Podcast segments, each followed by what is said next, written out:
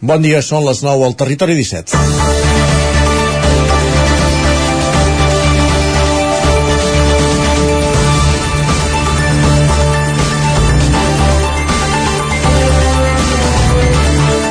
Només si sí ha passat a ser un clam que es va estendre per tot arreu després de la indigna sentència contra la manada de Pamplona l'any 2018 al sobrenom d'una polèmica llei que va entrar en vigor el passat mes d'octubre.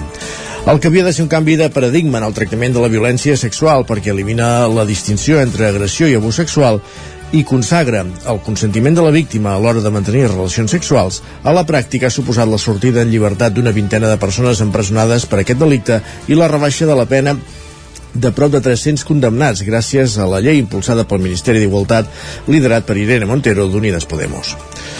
El que havia de ser una bandera per a un govern d'esquerres que intentava d'aquesta manera fer un dels passos més importants en la defensa de la dona s'ha girat en contra. Es fa difícil d'entendre com la titular del Ministeri d'Igualtat s'havia enrocat, fins aquest mateix cap de setmana, a no fer canvis en la llei veient la interpretació que n'han fet els jutges en els gairebé 4 mesos que és vigent.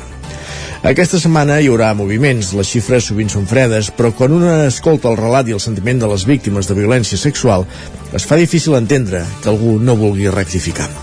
La, la setmana passada els explicàvem el dur testimoni d'una jove usonenca que va ser víctima d'una violació per part d'un seu amic i com el TSJ ha rebaixat la pena a l'agressor a la meitat, de 9 anys a 4 i mig, per l'aplicació de la llei del només sí és sí. En declaracions al 9-9, la noia explicava que havia perdut la confiança en el sistema veient com es reduïa la pena al seu agressor. Després de tot el que ha passat, una supervivent d'una agressió com aquesta no es mereix això. Sembla finalment que la pressió del soci majoritari del govern espanyol, el PSOE, servirà perquè el Ministeri d'Igualtat s'obri a fer canvis a la llei. Tot i les modificacions que es volen fer, no hi ha gaire confiança que aquestes puguin aturar la sagnia de revisions de casos en benefici dels condemnats.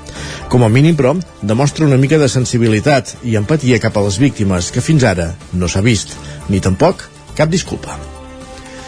És dimecres 1 de febrer de 2023. Comencem ja un nou mes, el segon del mes de, de l'any 2023, en el moment de començar el Territori 17 a la sintonia d'Ona Codinenca, Ràdio Cardedeu, la de Sant Joan, Ràdio Vic, el 9 FM i també ja ho sabeu a través del 9 TV, Twitch i YouTube. Territori 17.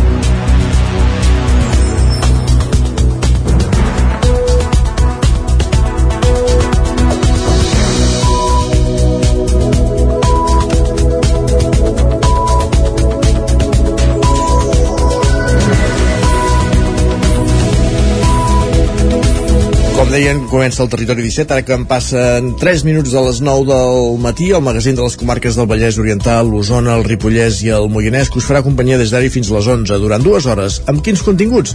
Doncs els que us avancem tot seguit abans d'arrencar. En aquesta primera mitja hora ens dedicarem a la informació de casa nostra, repassant les notícies més destacades de les nostres comarques en connexió amb les diferents emissores del Territori 17. Acte seguit eh, farem un cop d'ull a la previsió del temps amb en Pep Acosta des d'Ona Codinenca i anirem al quiosc amb en Sergi Vives a saber quines són les portades dels diaris del dia. A partir de dos quarts de deu del matí eh, pujarem a l'R3, com cada dia, amb l'Isaac Muntades des de la veu de Sant Joan a la Trenc d'Alba, recollint les cròniques dels soferts usuaris de la línia del tren Barcelona-Vic-Puigcerdà de cada dia i a partir i just després el que farem serà anar cap a l'entrevista. Parlarem del Trufòrum, el congrés de la, sobre la tòfona negra que se celebra aquests propers dies a, a Vic amb un canvi d'emplaçament, es farà el recinte final del Sucre i en parlarem amb el seu director, en Daniel Luliac, director del Trufòrum Vic 2023 i tècnic del Centre de Ciència i Tecnologia Forestal de Catalunya. Parlarem de la tòfona, parlarem del congrés a partir de dos quarts de deu del matí. Arribarem al punt de les 10 parla, parlant d'objectius de desenvolupament sostenible i música, com cada dia aquí al Territori 17 per arribar al punt de les 10 a l'equador del programa, moment en què ens actualitzem, més notícies al Territori 17, la previsió del temps i a partir d'un quart d'onze, com cada dimecres, qui ens acompanyarà serà en Jordi Givert amb una nova edició del Territori Sostenible, coneixent iniciatives a casa nostra. A partir de dos quarts d'onze ens acompanyarà Guillem Sánchez, com cada dia, aprofundint coneixent les piolades més destacades que ha trobat a Twitter i avui és un dia que ens acompanyi també la Cristina Enfruns, com fa cada 15 dies els dimecres portant-nos curiositats, paraules de la nostra llengua, posant-hi també música i acabarem precisament encara més literaris, amb el Lletra Ferits. Avui que en Roger Rams conversa amb la poetessa ballesana Esther Fernández. Aquest és el repertori pel, retiri, pel territori 17 d'avui dimecres, 1 de febrer de 2023 i ara ens posem en dansa, ara que passen 5 minuts de les 9 del matí.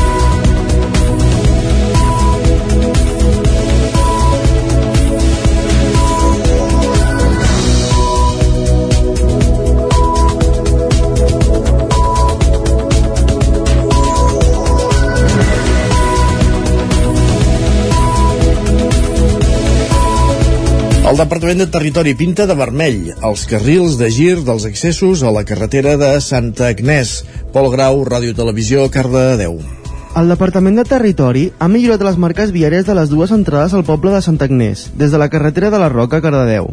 El canvi més visible és el repintat en pintura de color vermell del carril central que facilita els girs a l'esquerra, tant per entrar com per sortir del poble, a les dues interseccions. A la cruïlla situada al nord de Santa Agnès s'ha pintat el paviment del carril central de color vermell, S'han col·locat pivots amb elements reflectants i s'han repintat totes les línies. A la cruïlla del costat sud del poble s'ha modificat l'amplada i longitud del carril de per donar més seguretat a les incorporacions. També s'ha pintat el carril central de color vermell. Aquestes actuacions completen les que ja es van fer al finals de desembre passat, arran de les queixes i les mobilitzacions veïnals i de l'Ajuntament després d'un accident on va morir un motorista. En un comunicat, l'Ajuntament ha explicat que arran de les queixes d'algunes veïnes de Santa Agnès que viuen a prop de la carretera, pel soroll que generen les bandes reductores de velocitat que s'han col·locat a la intersecció sud, es farà un estudi de nivell de soroll. Més qüestions, l'Hospital Universitari de Vic amplia i reforma les urgències. Les obres, amb un cost de 2 milions d'euros, han de començar entre el 6 i el 13 de febrer i permetran un creixement del 30% de la superfície actual per arribar als 1.800 metres quadrats. Sergi Vives. Les urgències de l'Hospital Universitari de Vic atenen de mitjana entre 110 i 100 visites al dia, unes 60.000 uns 60.000 pacients cada any. L'increment d'usuaris des de que es va construir el servei han portat a plantejar l'ampliació i la remodelació de les instal·lacions, unes obres que comportarà, que començaran entre el 6 i el 13 de febrer. Suposaran el creixement del 30% de la superfície d'urgències, passant dels 1.400 metres quadrats actuals a uns 1.800. Es faran 11 bocs nous, de manera que hi haurà 57 punts d'atenció. La principal ala de creixement acollirà una ala, una zona pediàtrica amb 5 bocs i una sala d'espera pròpia, 5 bocs d'observació amb bany i dos habitacions de guàrdia. Les millores també tenen a veure amb la separació d'espais, per exemple, amb una zona adaptada a les urgències de salut mental. Ho explica la cap de la unitat d'urgències, Bici García Mota. La salut mental també teníem dos boxos que ara els adequem i fem una zona per pacients amb patologia amb salut mental, s'amplia la capacitat i s'adequa l'àrea perquè sigui amb més privacitat. Aquestes millores, segons la cap de servei d'urgències, Marta Exposito, s'han dissenyat de forma conjunta escoltant les necessitats dels professionals sanitaris.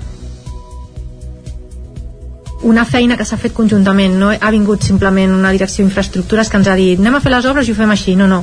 Ens han escoltat a tot, a tot l'equip assistencial no només a nosaltres, sinó a, a tot el nostre equip que tenim i penseu que nosaltres treballem no només en, amb els que estan d'urgència sinó amb altres especialitats les obres que també transformaran l'entrada, la sala d'espera i els espais de treball dels professionals s'allargaran 8 mesos, durant els quals les urgències continuaran funcionant.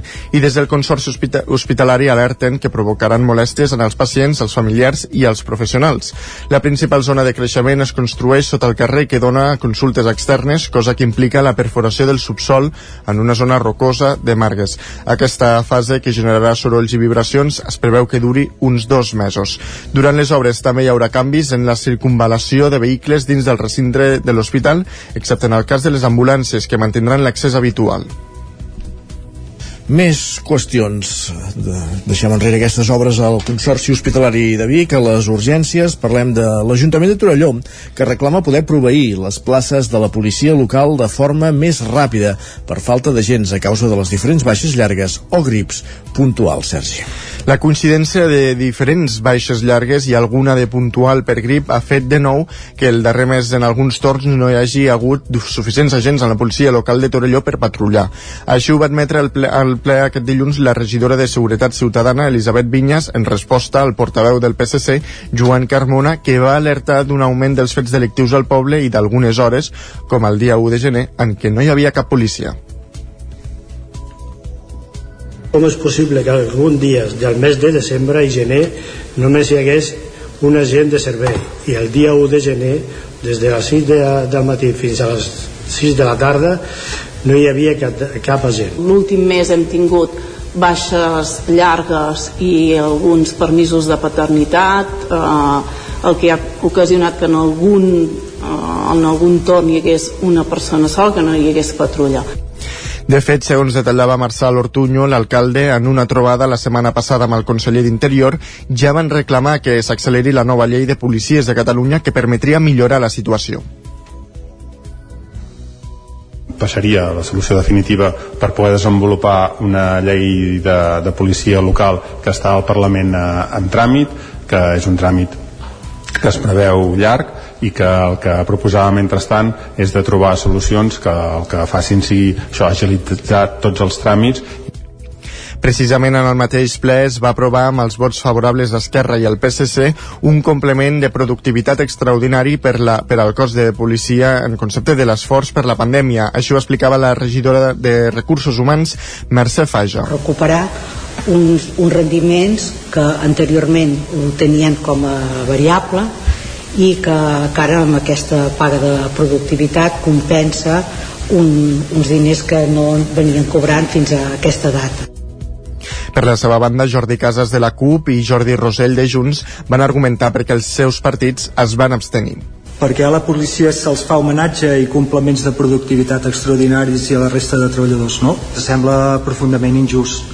Com és que no es va tocar durant any els sous ínfims d'altres grups de treballadors Creiem fermament que s'hauria de consolidar tota la retribució, ja sigui mitjançant la RLT o si no obrint el conveni.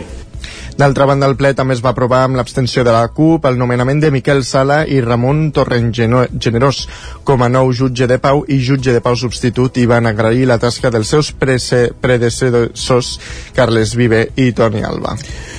I encara a Osona, de Torelló cap a Tona, perquè aquest Ajuntament estrena els primers pressupostos participatius dedicats als joves, sota el nom de Encrea. L'objectiu és que el jovent de 12 anys o més pugui participar i decidir en què es destinen 25.000 euros del pressupost. Fins al 28 de febrer, els joves de més de 12 anys que visquin, estudien o tinguin alguna vinculació amb Tona poden fer aportacions als primers pressupostos participatius pel jovent del municipi. La iniciativa és un objectiu del mandat després d'haver consolidat els pressupostos participatius generals, tal com explicava el regidor de Joventut i Participació, Guiu Grau.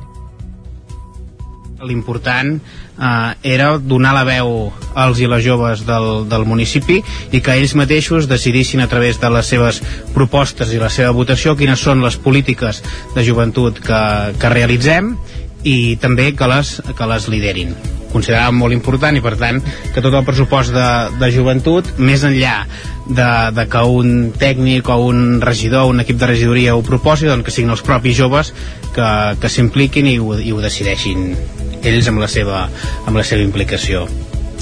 Els pressupostos porten el nom d'Encrea. Es tracta d'una in intel·ligència artificial del futur que han ideat per fer una crida als joves perquè s'eviti la, seva crea la seva creació i facin ells la seva proposta. Escoltem aquesta veu d'Encrea. La proposta que us presento avui està pensada perquè hi participi tothom qui vulgui. I quantes més persones, millor sempre i quan estimin Tona i vulguin treballar per millorar la qualitat de vida del seu jovent. La dotació serà de 25.000 euros que es dividiran en 14.000 per a propostes d'activitats, projectes i serveis pels joves i 11.000 per a inversions concretes. Les propostes es presentaran i votaran el 18 de març. Ja no podem dir que no hem donat veu a la intel·ligència artificial aquí al territori 17 també. Més qüestions, l'alcalde de Folguerola, Xavier Rubiró, que no optarà a la reelecció, explica que el mandat ha estat feixuc, però que el seu grup, que plega en bloc, marxa satisfet. Així és, tant l'alcalde Xavier Rubiró com els regidors que han estat eh, governant el poble durant els quatre anys no volen repetir el mandat. En una entrevista al Nou TV, Rovira ha aprofundit en els detalls. Diu que el mandat ha estat feixuc, però que marxen satisfets. Feixuc, per què? Perquè hi va haver el Glòria al començament, que va portar una feinada el Pou va ser eh, mhm. una, una feinada també van agafar en Xevi per terrorisme quan el pobre nano i va portar sí. molta feina la pandèmia que ha estat horrorós no, no ens ha fet mandra treballar pel poble, que és la idea aquesta, treballar pel poble, no? I marxarem satisfets, i tant, molt. Rubiro apunta que ells només es van presentar per governar durant 4 anys. També ha assegurat que Desperta Folgueroles no desapareix. Més qüestions. L'univers jove del Ripollès frega la seixantena d'estants i rebrà la visita d'uns 800 alumnes. Isaac Muntades, la veu de Sant Joan. El pròxim dimarts, durant tot el matí, el pavelló de Ripoll acollirà la novena edició de l'Univers Jove, el Saló de l'Ensenyament del Ripollès, organitzat pel Consell Comarcal i Joventut del Ripollès. Enguany, l'Univers Jove comptarà amb un total de 58 estants i seran presents les grans universitats catalanes, amb la novetat de la Universitat Pompeu Fabra, que vindrà per primera vegada. També hi haurà representació de formació professional de fins a 8 comarques catalanes i altres centres que ofereixen cursos o formacions específiques, com per exemple l'ensenyament de llengües. Una altra novetat és la presència de l'Escola de la Fundació de la Universitat Autònoma de Barcelona, que fa cicles de formació professional, o de Rightful, que ofereix estudiar idiomes a l'estranger. A més a més, es recuperen estants que hi eren abans de la pandèmia, com el de la Universitat de Lleida o el Centre d'Estudi Seminari de Vic, amb una àmplia oferta esportiva. Està previst que l'univers jove rebi aproximadament un miler de visitants i ja hi ha 800 alumnes confirmats, bàsicament de quart d'ESO i segon de batxillerat, que provenen de centres d'ensenyament del Ripollès, la Cerdanya i de sis instituts d'Osona. El president del Consell Comarcal del Ripollès, Joaquim Colomer, va destacar que l'objectiu de l'univers jove és facilitar als joves el disseny del seu futur acadèmic per fer de base del seu futur professional. El regidor de Joventut de Ripoll i director de l'Institut Abat Oliva, Joan Maria Roig, apuntava que el Saló de l'Ensenyament tenia un doble objectiu. Per un cantó, tenim la possibilitat d'apropar a tots els joves de la comarca, de tots els diferents instituts que en aquest moment tenen aquests alumnes de quart d'ESO que s'estan plantejant quin serà el seu futur, que puguin conèixer de primera mà i al mateix territori quina és l'oferta formativa que poden trobar i que tenen al seu abast i això els hi pot permetre no haver-se de desplaçar més lluny, sinó que tenir aquí a la nostra pròpia comarca aquest servei d'orientació. I per l'altre cantó també creiem que és important que els centres educatius de la comarca tinguem la possibilitat d'oferir i d'explicar de primera mà quins són els estudis que altres instituts de, tant de la Garrotja com d'Osona com de la Cerdanya poden conèixer no quina és l'oferta que poden trobar aquí al Ripollès. A l'Univers Jove aquest any hi haurà diverses xerrades, cursos, sortejos, premis i demostracions en directe. Per exemple, a l'espai central de la fira hi haurà una mostra d'escalada, de cuina, d'activitat física i mecatrònica. A banda s'instal·larà un escenari per on aniran passant els alumnes de l'Escola Comarcal de Música. Colomer també va destacar que segons el Servei de Joventut de Girona, pel que fa a la proporció de visitants, de temps de durada i d'oferta educativa, és el tercer més gran de Catalunya només per darrere del de Barcelona i Valls. El president de l'ENS comarcal va ser crític amb el Departament d'Educació. Un altre any segueixen sense apostar per aquest univers jove i per tant sense donar-hi el recolzament com els hi hem demanat per activa i per passiva amb diferents formats doncs, que creiem que és important que el Departament d'Educació ajudés amb un univers jove que es fa doncs, en un territori de muntanya i per tant doncs, en una de les comarques envellides de Catalunya i per tant un territori més complicat i més difícil. Colomer va dir que a diferència del Servei de Joventut de Drets Socials que sempre ha estat al peu del canó, Educació els ha ignorat. I la primera escola d'atracció animal moderna de l'estat espanyol completa la primera setmana de classes a Mollà. Roger Rams, zona codinenca. Aquest projecte busca formar agricultors en les diferents que es poden fer matèria agrícola i de transport amb animals. Dilluns passat, la primera fornada d'alumnes van començar les classes una quinzena de persones procedents de tot l'estat. Bernat Torres, creador i director del centre, explica que han començat amb les classes del mòdul bàsic dilluns passat vam començar el curs, el, el mòdul bàsic. Doncs això és una part on, on ensenyem una mica diversa informació dels de, els animals amb els que tractarem no? i amb els que seran els nostres companys de feina, ja sigui alimentació, l'allotjament, alguns temes legals, cures que, que podem tenir, quin tipus de comunicació hem de tenir amb ells i com es comuniquen entre ells Després d'aquestes dues setmanes de mòdul bàsic es faran les sessions pràctiques amb animals de diferents finques vinculades a aquest projecte. Un cop completades es faran les classes i pràctiques dels mòduls específics destinats a diferents cultius com ara horta, vinya o assecar. Torres explica que la primera fornada d'alumnes arriba molt motivada i engrescada. Molt bones a nivell de això, alumnes molt, molt motivats, amb moltes ganes d'aprendre i molt disposats, molt participatius en les sessions que hem fet de moment. Els alumnes també tenen un grau elevat de coneixement de l'ofici i de cara a l'any que ve ja contemplen ampliar temàtica i continguts a les diferents classes per elevar el nivell que hi ha temes que els hi, se'ls hi queden curts de, hosti, però volem que torni demà i, i seguim fent aquest tema i clar, no pot ser perquè això hi ha les hores que hi ha en aquesta primera edició i, però bueno, vull dir que era una cosa que ja sabíem perquè sabem que hi ha alguns temes que serà més un, una aproximació, no? amb altres sí que aprofundirem més Aquest curs té la seu del projecte a Mollà, però també es fan classes a diferents finques per arreu del país. Aquest curs s'allargarà fins al proper mes d'abril. Gràcies, Roger. Acabem aquí aquest repàs informatiu que començàvem al punt de les 9 en companyia de Roger Rams, com ara sentíem, Sergi Vives, Isaac Muntades i Pol Grau. Un moment al territori 17 de tornar a una codinenca i parlar ara del temps.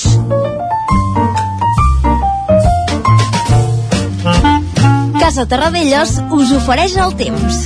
Ja sabeu que el temps del territori 17 és cosa d'en Pep Acosta, el tenim ja a punt. Pep, bon dia. Hola, bon dia. Benvinguts a l'Espai del Temps.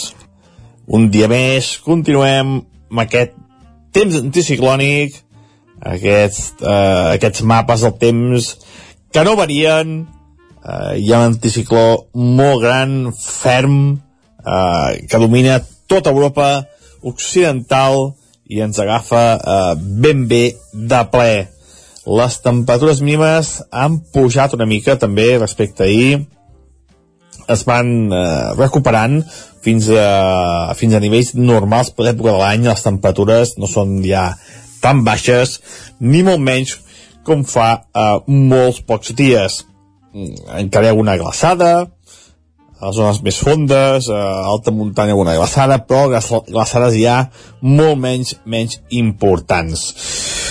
Um, hi ha una boira també, les boires per això no són ni molt intenses ni molt extenses, no, no, no acaben de, de, de quallar i de ser molt importants, i uh, les temperatures màximes també van pujar ahir amb els valors superiors als 10 graus, la majoria entre els 10 i els 15, fins i tot en alguna zona ja han superat els 15 graus. Avui eh, més poblacions, estarem això, eh, entre els 12 i els 16 graus. Una, al migdia, un ambient eh, força agradable, força suau, s'hi estarà bastant i bastant bé al migdia.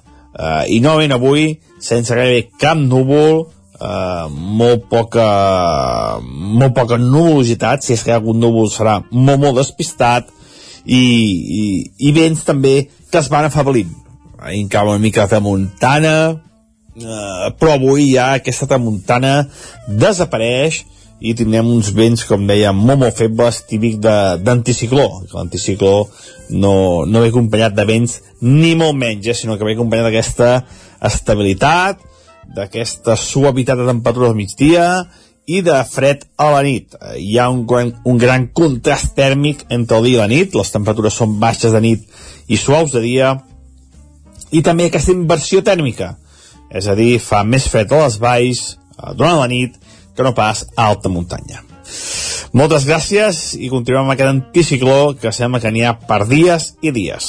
Adéu, bon dia. Gràcies, Pep. Anirem seguint aquest anticicló. Parlem d'aquí una estona. I ara al Territori 17 el que fem és anar cap al quiosc. Casa Tarradellas us ha ofert aquest espai.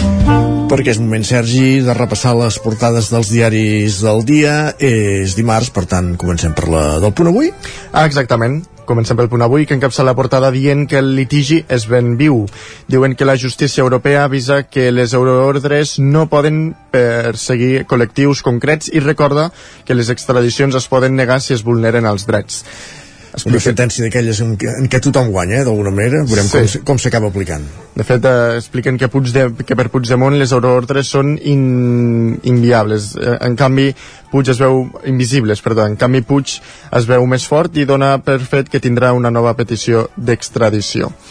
I canviant de tema, destaquen l'entesa per desconvocar la vaga de metges i també per altra banda diuen que acusen al policia eh, infiltrat d'agressió sexual de fet cinc activistes que van mantenir relacions sexuals han presentat una querella carai el periòdico diu que Europa avala la petició del jutge Llarena però exigeix garanties. Expliquen que el Tribunal de la Unió Europea limita les opcions a Bèlgica de frenar l'entrega de Puigdemont.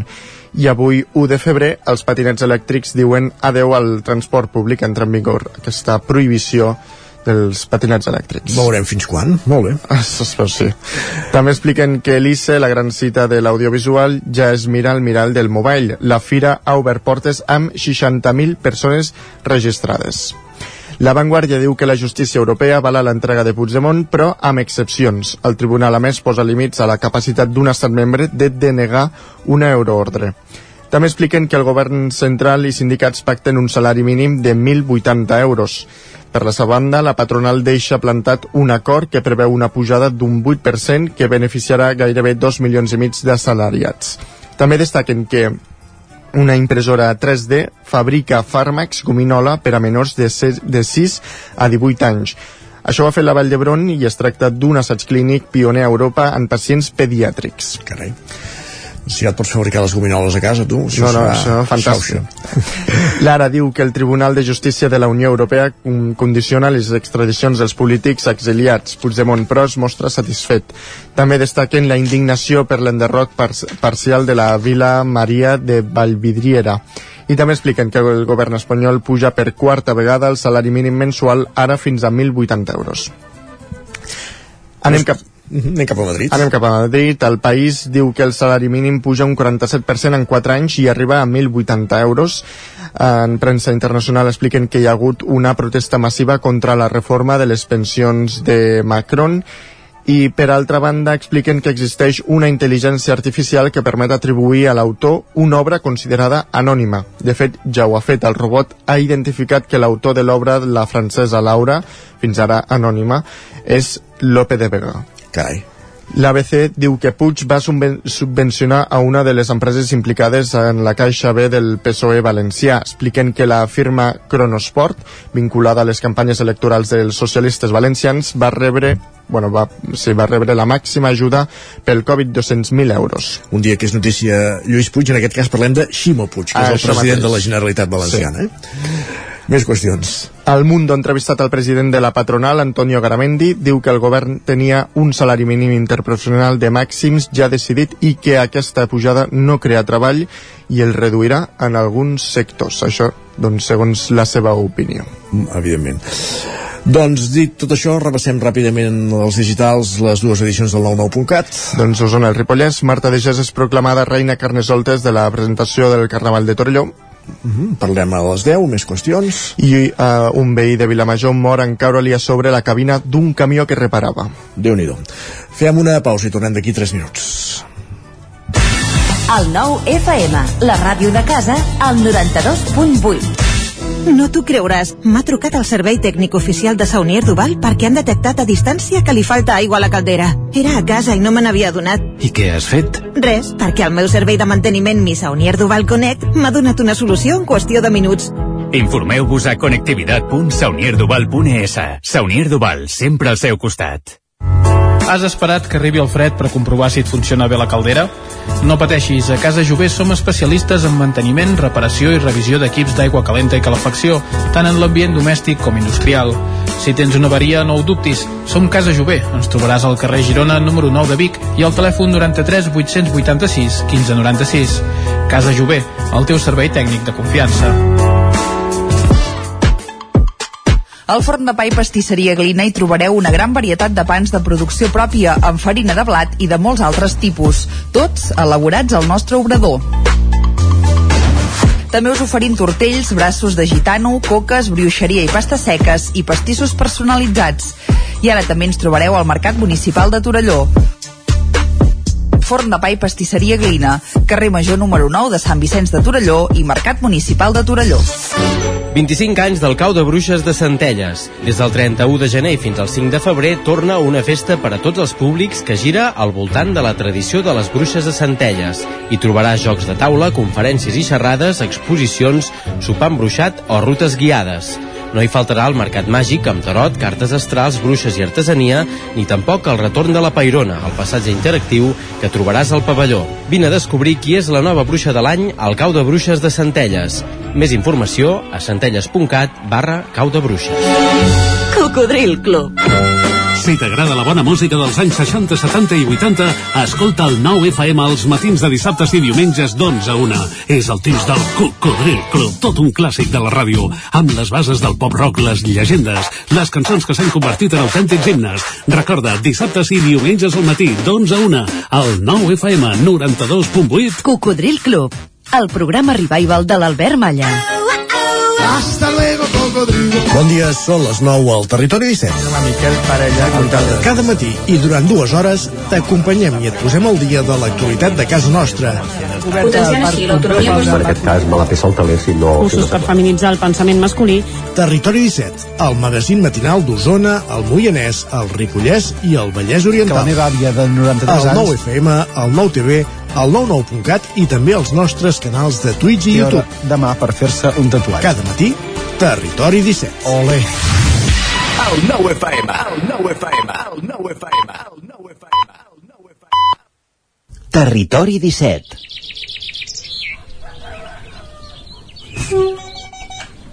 A Tren d'Alba.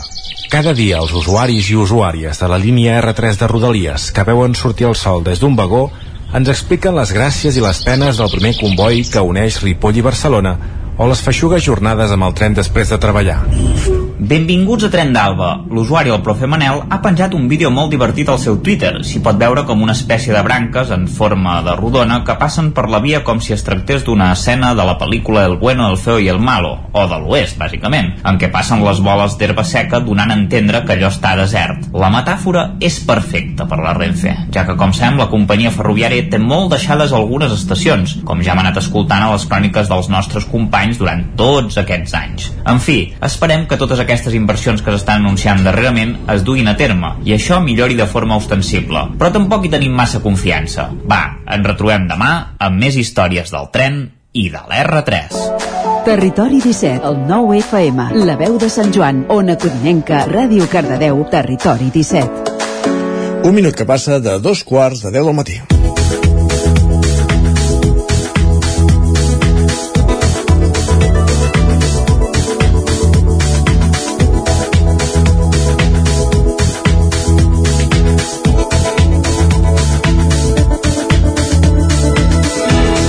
Entre el 3 i el 6 de febrer, és a dir, entre divendres i diumenge d'aquesta setmana, Vic es convertirà en la capital de la tòfona negra amb una nova edició del Trofòrum Vic que Primera novetat, canvia d'espai, es trasllada al recinte firal al Sucre de Vic, amb tot de propostes per a professionals d'una banda, però també per, a, per al públic general de l'altra.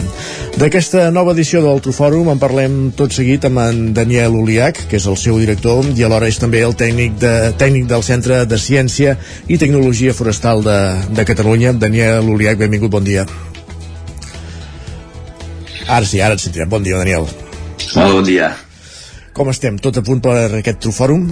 Sí, tot en marxa, molt contents, molt emocionats, perquè, com has comentat, canviarem el recinte final i és donar-li una altra dimensió al tema. La veritat és que el sucre està molt bé perquè l'edifici és, és molt bonic i és molt acollidor, però el fet de passar ja al recinte final, que puguem tenir totes les accions que farem a peu pla, que la gent pugui veure què està passant, és a dir, en el mercat de la tòfona tindrem el tema dels productes trufats, sense aroma, però a més a més veurem com estan fent els tallers de cuina, els tastos, i també tenim el Campionat de Catalunya que també el farem al recinte firal, el Campionat de Catalunya de gossos tofonaires, que tradicionalment l'havíem fet en un marc magnífic com és la plaça Major de Vic, és excepcional, però el fet de poder-ho tenir tot al mateix lloc és una manera d'apropar a la gent el producte, la tòfona, la tòfona negra del país, que és un producte de molta qualitat, que són pioners eh, des de fa molts anys amb aquest tema de la tòfona a nivell silvestre de búsqueda,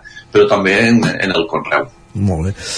Uh, ara intentarem anar desplegant tots aquests ítems que, que ens has avançat. Uh, primer de tot, uh, ja ho hem anat explicant en més d'una ocasió, venim d'un any molt eixut per falta de pluja i això també ha contribuït uh, en el cultiu de tòfona, sobretot en, en la silvestre, que entenc que, que, que ha baixat respecte a altres anys. En quins volums estem aquest any de, de producció? Hi ha tòfona? Quina qualitat té la tòfona que collim? Sí, és, és, és complicat eh, parlar de, de, de produccions perquè bé, és, és, és, és un tema que el bosc eh, la veritat és una catàstrofe perquè la, la producció serà molt escassa, pràcticament nula no és el primer any, malauradament tenim, tenim un greu problema a nivell de, de la producció silvestre que és, és degut a, a diversos factors. Eh? Hi ha un tema ambiental, hi ha un tema climàtic, que cada vegada tenim menys precipitacions i aquest any ha sigut excepcional, també més amb temes de temperatures molt elevades ja des del mes de maig, però també hi ha un tema de gestió del, del bosc. La veritat és que per desgràcia nostra doncs, eh, no estem gestionant el bosc perquè no és rendible o s'estan buscant alternatives perquè pugui ser rendible i, i el bosc s'ha tancat d'acord? Tenim una densitat molt elevada i això va en detriment de la producció de la, de la tòfona negra. La problemàtica de, els porcs senglars, que li encanta la tòfona, i tenim un problema amb el porc senglar que li encanta i se la menja, no? I després amb el tema del conreu, tot i que s'ha avançat molt i tenim molt coneixement, doncs molt excepcional, per tant, les necessitats hídriques que hem, que hem necessitat per suplir aquesta manca de precipitacions ja des de la primavera doncs a, a vegades tampoc tens l'aigua suficient disponible per poder, per poder regar els camps de conreu. Per tant, serà variable perquè això va molt en funció de cada explotació, però, però hi haurà una, una baixada, hi haurà una baixada clara, generalitzada. Eh?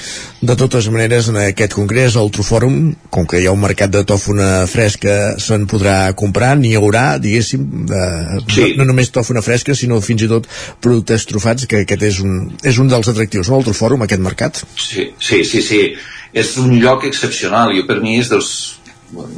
Som uns privilegiats de poder fer aquest, aquest esdeveniment a, a Vic perquè és únic, perquè la gent podrà accedir a producte de molta qualitat, perquè estarà totes les tòfones seleccionades una a una que es, que es vendran al mercat de qualitat i, i, i n'hi haurà de sobres, per tant no hi haurà, no hi haurà cap tipus de problema. I després vull donar molt valor també als productes trufats, eh? productes trufats frescos, amb tòfona fresca, sense aromes. Per tant, no estarem, entrarem en un esdeveniment que no sentirem aquell aroma que a més a més no és, no és el de la tòfona negra, eh? aquest aroma és de la tuber magnatum, de la tòfona banca italiana, i això porta a confondre el consumidor. No? És un lloc que a més a més això, la podran olorar, la podran tocar, la podran tastar, perquè a més a més la novetat d'aquest any amb els, amb els tallers de cuina és que la gent tindrà l'opció de tastar els plats que, que es faran, d'acord? Uh -huh. I, I a més es faran tallers de qualitat, per tant, és un àmbit únic per conèixer la, la tòfona, per, per, per atansar-se, per, per aproximar-se. Parlant de tastar, una de les novetats d'aquest any és aquest esmorzar de forquilla previst per, per diumenge, no? Sí, sí, la veritat és que som molt valents, eh, perquè és un any complicat i, i que possiblement la, la tòfona aquest cap de setmana valgui, valgui diners, però, però s'ha de ser atrevit i per tant farem un esmorzar popular que, que és això, és, és fer arribar a la gent la tòfona, que perdi-li la por, eh? I, I tenim por perquè no la coneixem. Aquest és el gran problema, la gent no, no la coneix. Llavors, un producte que no coneixes, eh, independentment del preu, que és un producte que val, val diners, però independentment del preu és un tema de desconeixement. Llavors, i si no la cuino bé? I com l'he de cuinar? I com ho puc fer? Clar, és que m'ha costat aquesta tòfona 20 euros i si no ho faig bé, que malaguanyats, no? En canvi, hi ha altres productes eh, del mar, eh, per exemple, que són, tenen un preu i que quan arriben a dalt doncs en comprem i, i, però sabem com ho hem de menjar, sabem com ho hem de cuinar, per tant eh, i no ens fa por gastar-nos aquests diners no? Perquè, doncs el problema és de, és de desconeixement del, del producte De fet, el Trofòrum vol donar respostes no? a totes aquestes preguntes, de fet Sí, sí, sí, és a dir, primer, hi ha un tema de com l'hem de conreuar, perquè necessitem tòfona, val? perquè si no, sense tòfona, desapareixem del mapa, deixem de ser país productor de tòfona. Després eh, l'hem de conèixer, com, com dia l'Empar Moliner al, a la roda de premsa que vam fer, si no coneixem el producte no el podem estimar i, i per això l'hem de conèixer que llavors quan et coneixes te l'estimes i a més a més, fins i tot això ho comentem sempre els productors, eh? els productors han d'obrir les portes del camp, han de donar a conèixer el producte, han de deixar que la gent conegui, eh, també els cuiners, i si ells coneixen el producte que tenen, el netegen, el mengen, se l'estimaran més i el vendran a més bon preu també, eh? perquè li ficaràs molta més passió, te l'estimaràs més, i una cosa quan te l'estimes és que et brillen els ulls, eh? que diem aquí per allà et brillen, et brillen els ullets, eh? Val? Per tant, hi ha la passió aquella que, perquè te l'estimes i per tant la comercialitzaràs millor. Evidentment, com deien, hi ha activitats per a tots els públics durant tot el cap de setmana, durant aquests tres dies de, de Trufòrum. Ahir va haver-hi, podríem dir, una, una avançala, ja que comentaves el tema dels productes frescos trufats, que és aquest culinari hub eh, titulat això, del bosc a la xarcuteria. Entenem que amb, sí. amb diversos embotits eh, elaborats o que, te, que també inclouen tòfona en la, seva, en la seva formulació. Com va anar aquesta jornada i quin era l'objectiu?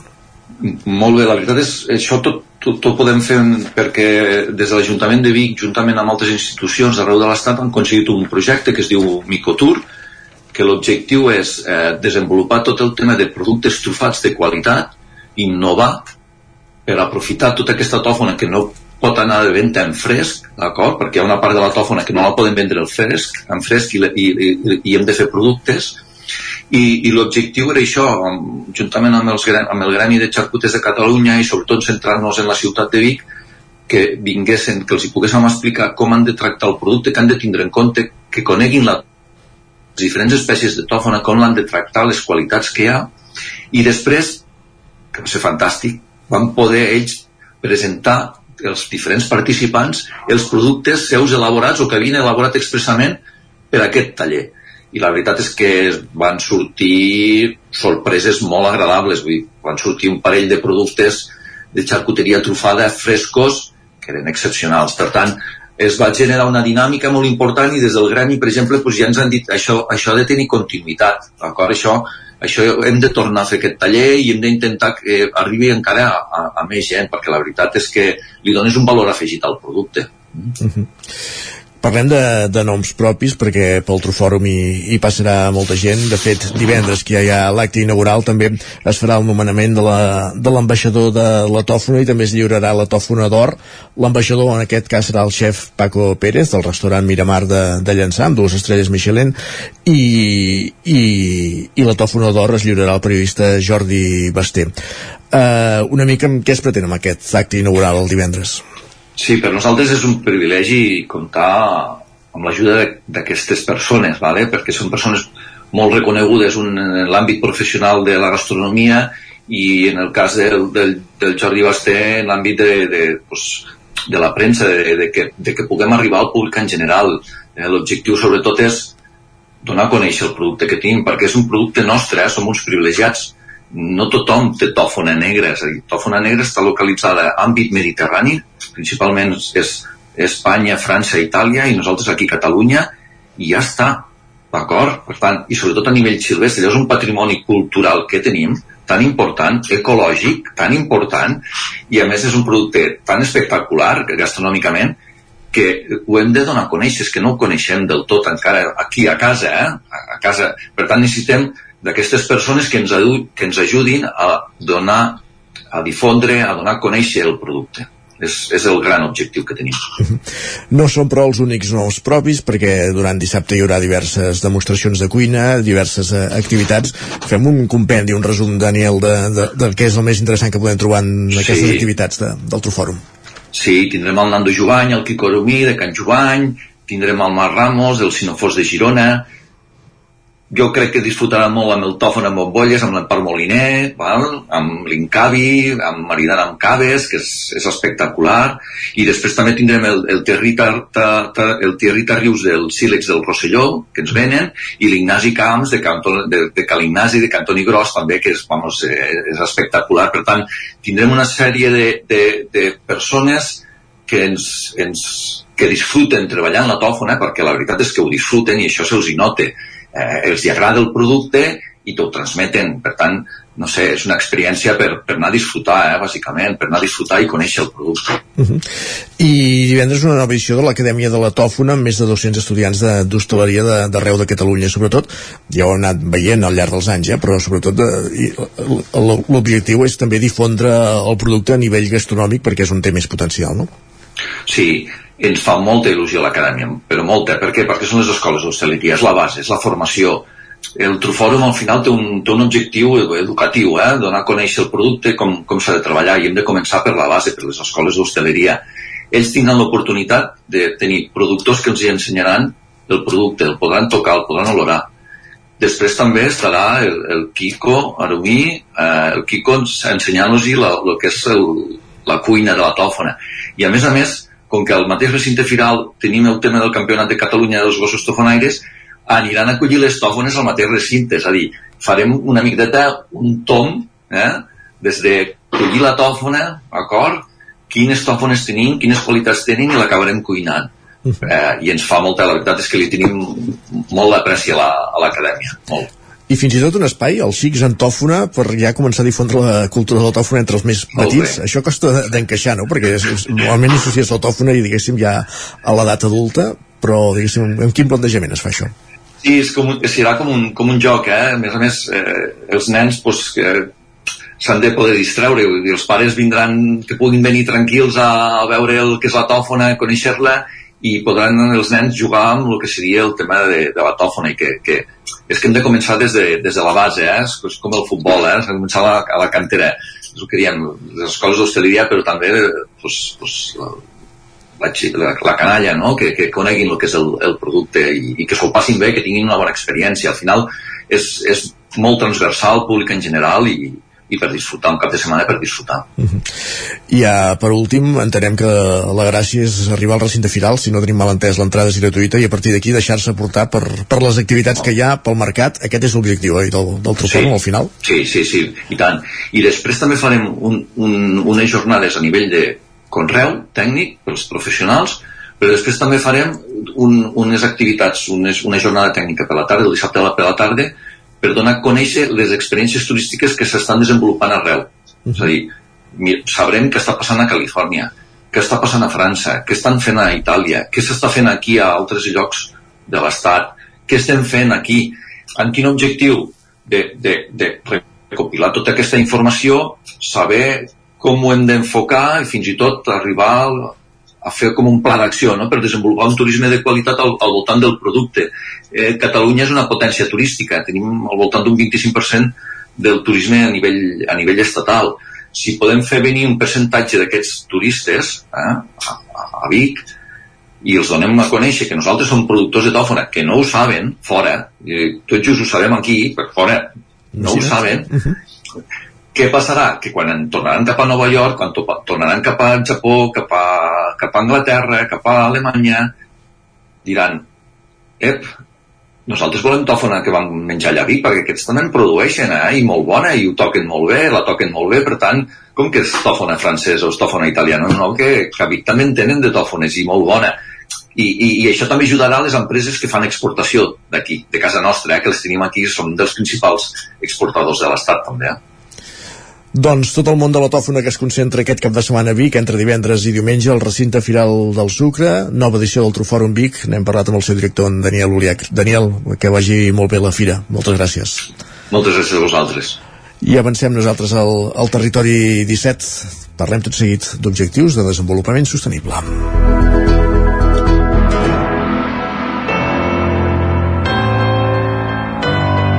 Territori, Territori 17. 17. Territori 17.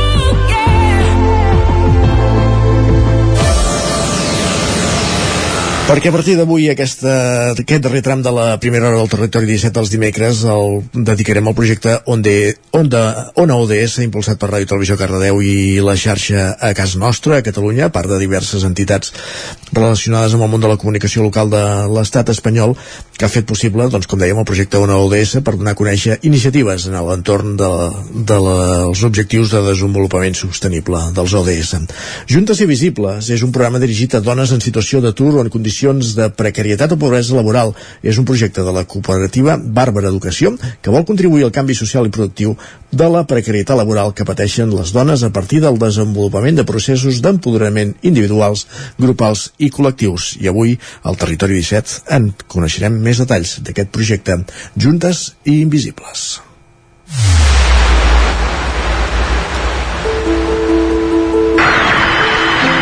Porque yo podría y me atrevería a decir el individuo no es más que un eslabón, un pequeño eslabón en una larguísima cadena, cuyo origen se pierde en la noche de los tiempos y cuyo fin está todavía por forjar.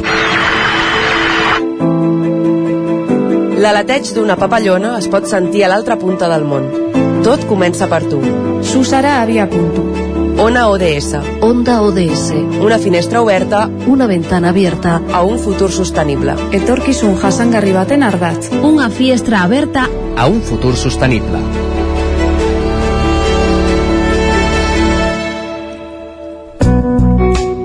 Juntes i Visibles és un programa dirigit a dones en situació d'atur o en condicions de precarietat o pobresa laboral. És un projecte de la cooperativa Baravara Educació que vol contribuir al canvi social i productiu de la precarietat laboral que pateixen les dones a partir del desenvolupament de processos d'empoderament individuals, grupals i col·lectius. Quins són els principals greuges i problemàtiques que pateixen les dones en l'àmbit laboral? Val, primerament eh, és important destacar que quan nosaltres diem que fem atenció a dones no és una qüestió arbitrària, no? dones o homes, no és una qüestió de que hi ha unes problemàtiques específiques uh -huh. en, en concret, en la vida en general però en concret en el món del treball eh, que afecten a, a les dones, no? sobretot per, per aquesta diferenciació del que és productiu i el que és reproductiu. Laura Rodríguez, advocada laboralista a la cooperativa Arrels Advocats i per qüestions eh, i qüestions biològiques a la nostra pròpia idiosincràsia no? doncs eh, hi ha una part reproductiva que és molt important que pot ser real o pot ser imaginària no? està en l'imaginari no? que en algun moment nosaltres ens dedicarem a la, a la reproducció sigui no veritat llavors això eh, desemboca en unes problemàtiques concretes que són en primer lloc eh, una discriminació brutal quan les dones comencen a haver de tenir cura del menor, dels seus fills o també d'un familiar de la seva mare, del seu pare no? aquí comencen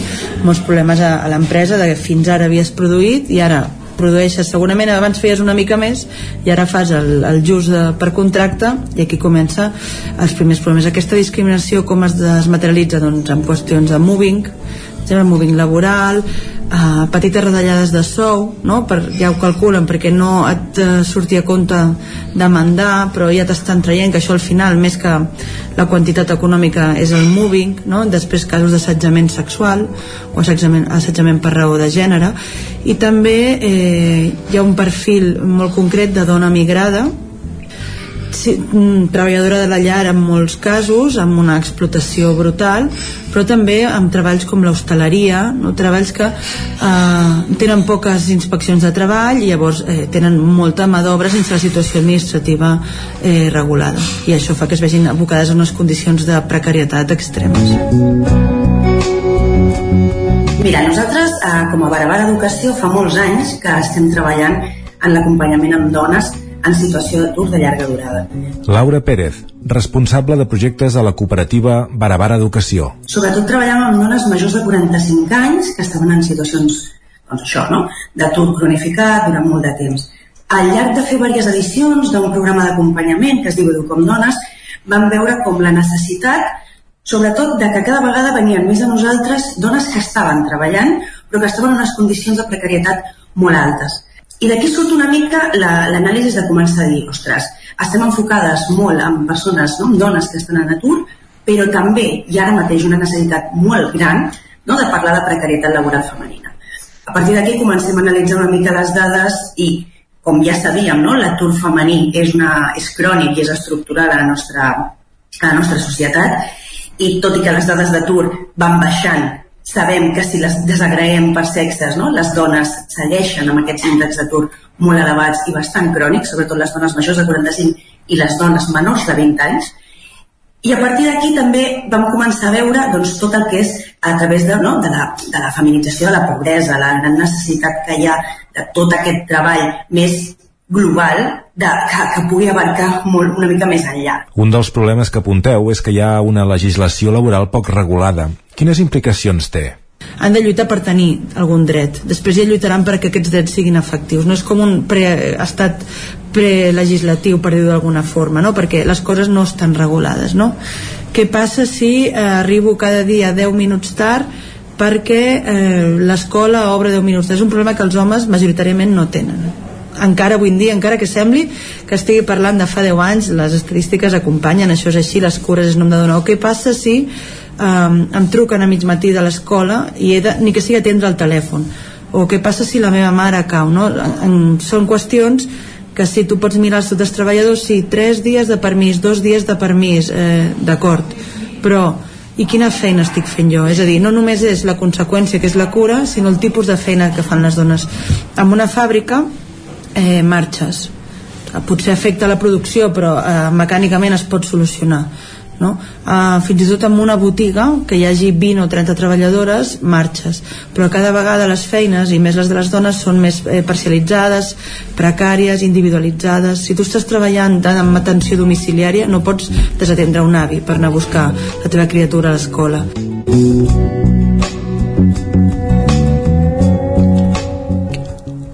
El projecte Juntes i Visibles inclou una exposició de fotografies i àudios d'històries reals que dones han compartit amb elles. Aquest és un testimoni d'una dona farmacèutica. Soy farmacéutica y trabajo en un mundo donde la mayoría son mujeres.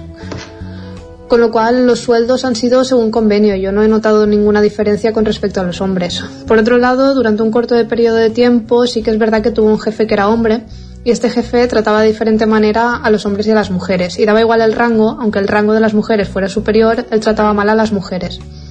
Era misógino y se dedicaba a hacer sentir inferiores a las mujeres frente a los hombres, en los cuales confiaba plenamente, aunque claramente trabajaban peor y cometían muchos más errores que esas mujeres. Com està vehiculat el projecte Juntes i Visibles? Té una línia de temps, grans objectius que per una banda és visibilitzar la precarietat laboral femenina, poder treballar també en generar tota aquesta línia d'empoderament de, no? i d'acompanyar les persones i d'acompanyar-nos entre nosaltres en ser conscients dels nostres drets i dels nostres deures en l'àmbit laboral, però també en tots els àmbits no? de la vida, i, i en última instància també treballar cara a la inserció sociolaboral de les, de les dones. Per fer això ho fèiem des de pensar en la importància d'aquesta triple dimensió, no? una dimensió que fos més comunitària, és a dir, que assolís la visibilització, que fes que es poguessin incorporar moltes dones a parlar d'aquest projecte, a participar-hi, a construir-lo i a fer-lo seu, la dimensió grupal, és a dir, treballar-ho des d'una dimensió col·lectiva a través d'un acompanyament personalitzat, però treballar-ho en grup, i després des de la dimensió individual i personal de cadascuna de les dones, perquè cada persona té la seva, la seva motxilla, té la seva història darrere, té la seva situació i necessita com aquest acompanyament més personalitzat. Us compartim un segon testimoni de l'exposició Juntes i Visibles d'una dona que treballava a l'hostaleria. Em plantejava escriure la meva experiència, dubtava moltíssim per si sóc una exagerada i penso que justament això és el que m'ha espentat finalment a escriure-la. Durant molts anys vaig treballar en hostaleria, tant de cambrera com de cuinera. En un dels llocs on vaig treballar era més la més jove. Les noies no teníem gens de veu a l'hora de prendre decisions i sempre fèiem l'horari de nit, que era el que els nois no volien fer. Un punt en comú que he trobat en l'hostaleria és que volen noies perquè són menys problemàtiques, que això vol dir que són més sumisses, i també perquè mengen menys. I això és veritat perquè m'ho han dit a mi des del primer dia. Tot i que en un dels llocs on em van dir això van contractar nois perquè els amos es interessava per l'estatus dels xavals o del seu entorn. La cosa és que en aquest bar importava més el teu capital de bellesa que si treballaves bé. Em vaig haver de defensar de babosos davant del cap tota sola, que tant em feia perquè ho he fet mil cops però quan he tingut persones al meu càrrec sempre he vetllat per el seu benestar, encara que jo no fos l'ama, i hagués esperat que un cap hagués fet alguna cosa al seu local, que amb altres noies no passava igual. Però en aquesta línia tinc mil experiències, però anem per feina.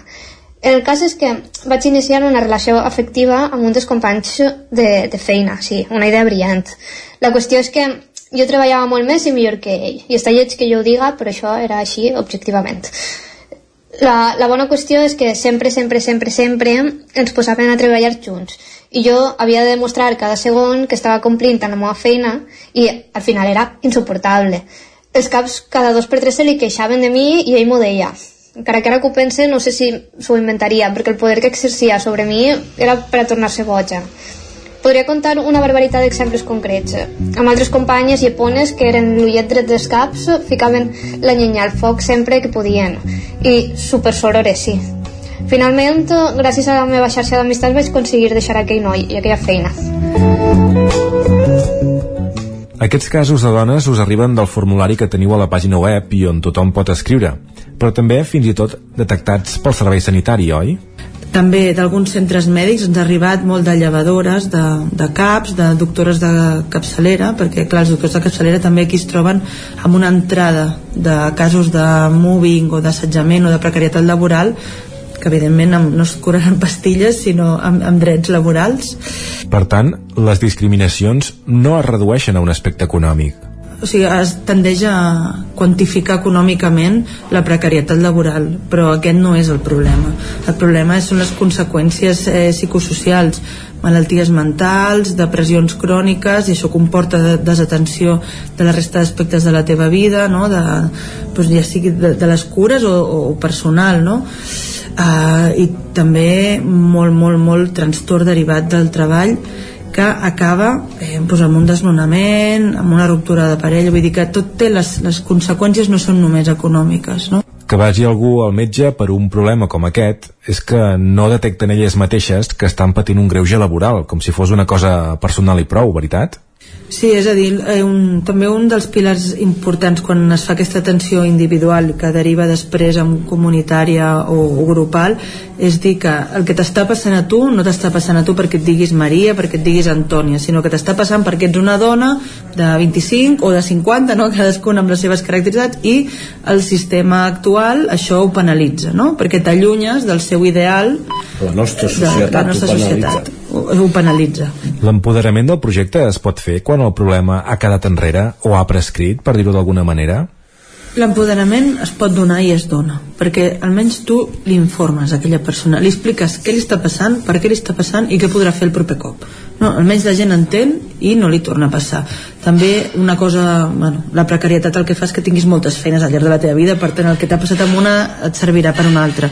No és que estiguis en una empresa tota la vida com abans. Quina valoració feu d'aquest projecte en els poc més de 20 anys que fa que ten a dones? Potser l'estratègia que estem més satisfetes i no, ens enorgulleix més d'aquest projecte és tota tot el treball grupal que es fa des d'aquesta aposta Edu com dones, no? que és un treball grupal en el que es basa en generar processos d'empoderament de, i de, de generar pues, eh, que totes les persones, que totes les dones que participen siguin capaces de, de poder decidir el que volen fer amb les seves vides, en l'àmbit laboral i en l'àmbit personal, perquè per suposat va completament lligat. No? I la nostra, la nostra aposta no ha sigut mai generar itineraris d'inserció laboral pur i durs, no? sinó, sinó fer processos d'acompanyament a mida de cadascuna de les persones que, que, i veure com anar construint la trajectòria professional, no? que seria el projecte professional de cadascuna d'elles, per veure doncs això, no? que quines decisions prenem a la vida per, i, i el dret que tenim a prendre aquestes decisions per, per, per tirar endavant. I això funciona molt bé, i funciona molt bé a nivell de la satisfacció de les dones que hi participen, a nivells d'inserció laboral, de presa de decisions que canvien vides.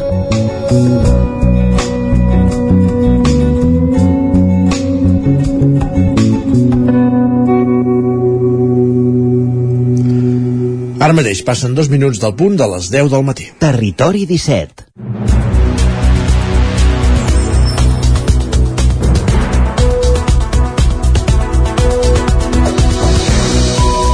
I és moment al territori 17 de posar-nos al dia, d'actualitzar-nos amb les notícies més destacades de les nostres comarques, el Vallès Oriental, l'Osona, el Ripollès i el Moianès, i ho fem en connexió amb les diferents emissores que dia a dia fan possible aquest programa, una que la veu de Sant Joan, Ràdio Cardedeu, Ràdio Vic, el 9 FM, ens podeu veure també a través del 9 TV, Twitch i YouTube.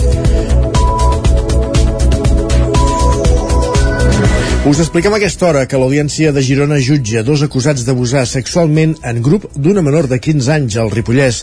Isaac Muntades, la veu de Sant Joan.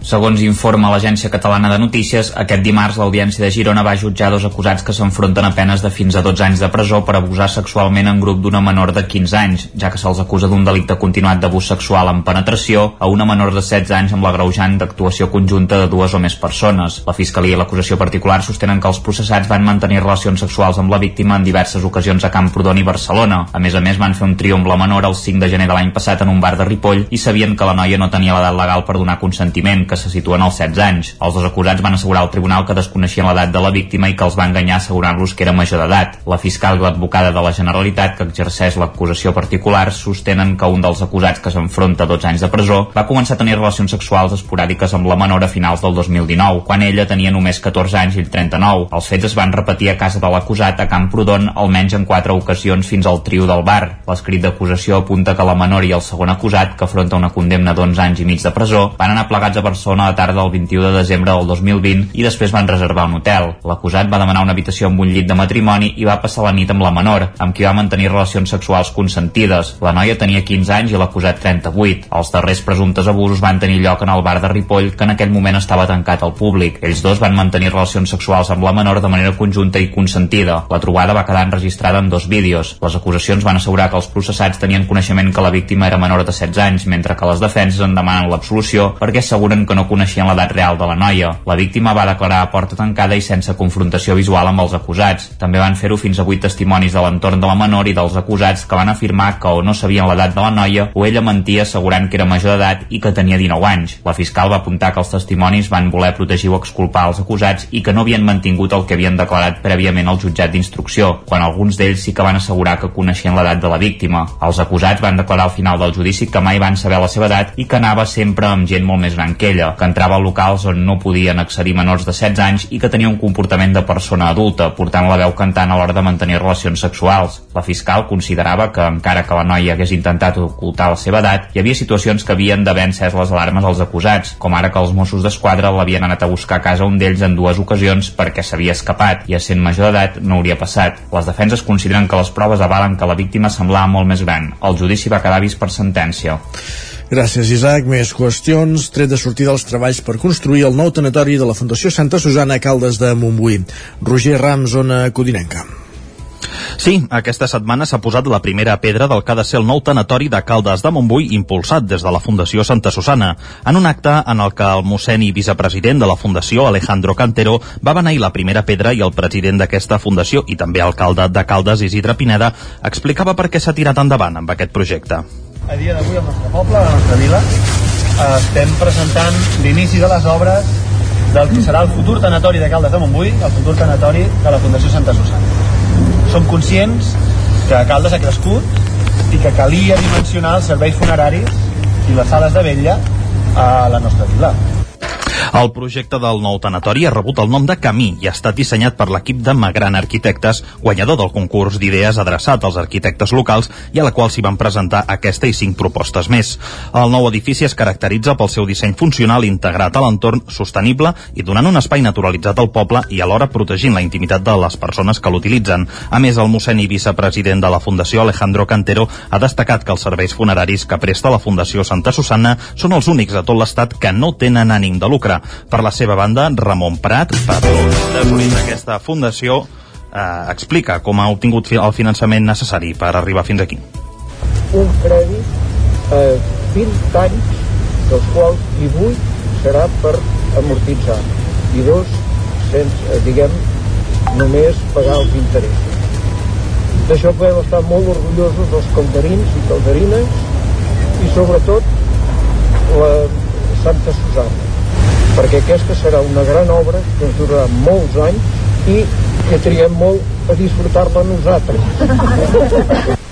Aquest nou equipament funerari s'està construint als terrenys que hi ha just darrere de l'edifici principal de la Fundació i compten amb un pressupost de 2.600.000 euros. Les obres es preveu que s'allarguin durant un any i mig. Gràcies, Roger. Més qüestions. Després de 20 anys com a alcalde de Santa Maria de Besora, Osona, Camil Adam deixarà l'alcaldia després de les eleccions del mes de maig, Sergi. De fet, ja ho havia dit a l'inici de mandat, un mandat que va afegir els seus anys de servei públic per poder casar la seva filla al juny del 2019. En una entrevista al Nou TV repassava els anys en què ha estat al capdavant del consistori. Al llarg d'aquest eh, temps s'ha presentat amb diferents partits, però els darrers ho ha fet com a independent, que és, deia, com s'ha sentit més còmode. Li hem de donar pas a gent més jove i vull dir, ja, ja ho tenia clar que aquest cop eh, plegaria. Eh, M'havia presentat per diversos partits, però al final doncs, eh, cap m'ha convençut prou per continuar amb ells i crec que ser independent és ser més neutre i, i no afavoreixes ni els uns ni els altres. Adam ha fet un petit balanç del seu pas com a alcalde a Santa Maria de Besora. A més, anima tots els veïns a conèixer com funciona aquesta figura, que no és gens fàcil. Hem intentat contentar una mica tothom que això és molt difícil, hem fet coses bé, n'hem fet coses que no estan tan bé. Seria molt bo que tota la gent dels pobles passés un, un, una temporada per l'Ajuntament que veuria que les coses no te les porten allà, que veuria que s'han de buscar i que xerrar és molt fàcil i enviar whatsapps i dir coses allà on no toquen i, i si estessin a l'Ajuntament llavors això ho haurien, poder obrir una mica diferent. Arribarà al final de la seva etapa política amb l'obertura d'una llar d'infants a l'horitzó, que si tot va bé, de cara a l'any que ve ja funcionarà. Més qüestions. Marta de Gès està proclamada com a reina Carnestoltes 45a de Torelló del Carnal de Terra endins a només 17 dies per donar el tret de sortida. A la 45a edició de la festa. Marta de Gès, filla de modistes vinculada a l'associació Acte des de la seva creació, es converteix en la 45a reina del Carnaval de Terrendens. De Gès no va tardar en complir amb la primera comanda del mandat, fer, forta, fer forts a fer fora les autoritats per, per proclamar la República de la Barrila. Aquest reconeixement de gest no l'esperava, malgrat que l'organització sí que havia avisat a la seva família i amics més propers. Ho explicava aquest dilluns des de la nau de Carrossaires. No, no, no, no, va ser sorpresa total. Una colla d'indesitjables, que ja m'ho pagaran, van estar dos o tres mesos, incluït la meva filla i el meu marit, van estar dos o tres mesos amagant-ho i la veritat és que van fer molt bé, es mereixen un Òscar per això i en el moment aquell, uf, va ser l'èxtasi total. El dia gros de gest com a reina Carnesoltes serà el dissabte 18 de febrer amb la rua de Carnaval que sortirà a les 6 de la tarda a la plaça de la Sardana. Un acte que la reina Carnesoltes veurà enfilada a la carrossa dels Picats de Borgonya, els guanyadors de l'any passat. La disbauxa, però, començarà el dijous dia 16 amb el ritual del Pollasso, que aquest any es plegarà la seva 25a edició. Un ritual que torna amb novetats, segons Marc Tienda, com a representant de les entitats. Com a primera novetat és que es dispersa en tres punts del poble eh, la, la participació de la gent amb els seus elements, amb els seus equips que arribaran a la plaça de la Vila on, on sa majestat Carnestoltes farà el pregó. I a partir d'aquí comptarem amb quatre bandes de música en directe al carrer més amb la música en directe durant, durant el ritual. I també eh, com a novetat principal és que es veu la festa ja en perspectiva de 2021 per tant agafem aquesta perspectiva de gènere s'incorpora un nou element que en aquest cas és el xirri no? i també es dona més importància a Fortiana Reina Mare. L'endemà i com a avançala del Carnaval a la plaça Nova s'hi trobaran, s'hi tornaran a concentrar les senyoretes i els homenots, tot plegat en una edició que retrà homenatge als carrossaires. El diumenge dia 19 de febrer a la plaça Nova s'hi farà el Carnaval infantil. La traca final és la, dius, la disbauxa, de la disbauxa no arribarà fins al dimecres 22 amb l'enterrament de la sardina. I Prolifem, Cons Polifem Consort, el grup creat pel músic manlleuenc Jordi Domènech, ha debutat aquest diumenge a la Sala Gran de l'Atlàntida de Vic. Els membres de Poliferm Consort arribaven aquest dilluns a l'escenari de la sala Ramon Muntanyà de l'Atlàntida, on diumenge van estrenar el projecte que mantindrà els escenaris al contratenor de Manlleu, Jordi Domènech, en aquest cas com a director i tocant del clavicèmbal. Espera que aquest grup es pugui fer amb algun lloc d'aquest país. Vol ser una, una nova agrupació de música antiga especialitzada en música, música vocal i una miqueta amb l'esperança doncs, que es faci un lloc aquí al, al país i que puguem treballar de la manera que, que ens agrada una aventura que el contratenor comparteix amb la violinista bigatana Ana Urpina, que assegura no va tenir dubtes quan Domènec li va posar el projecte damunt la taula. Doncs perfecte, vaig estar molt contenta perquè jo el Jordi l'admiro molt, ens coneixem fa molts anys i, i a més també tenia ganes d'engegar alguna cosa pròpia, personal i què millor que fer-ho amb ell. Amb un ple gairebé absolut, la nova formació va estrenar-se en el marc del cicle Grans Concerts amb l'ombra de Farinelli, tot plegat amb la veu de la soprano valenciana Aurora Penya i Urpina en el paper de concertino. Posant-se el capdavant del Poliferm Consort, per Domènec implicarà deixar de cantar òpera. Després de 20 anys com a cantant, el manlleuenc deixa aquesta part de la seva activitat per dedicar-se plenament a la seva faceta de compositor i per donar empenta al nou projecte. Partidari de no fer les coses a mitges, Domènec assegura que cantar exigeix una dedicació incompatible amb els encàrrecs que li van sortint com a compositor. Ho trobo i ho trobaré molt a faltar el contacte aquest directe amb el públic i el fet de, de que mai més es torni a sentir la, la veu però per altra banda és que és això és que jo penso que és bastant, bastant lògic que alguna cosa haig, haig de renunciar perquè no es pot ser artista del Renaixement i excel·lir amb totes les facetes alguna altra ha de, ha de, quedarà coixa. I llavors tant per tant abans de que es comenci a notar que coixejo d'alguna cosa m'estiu més deixar-la ja.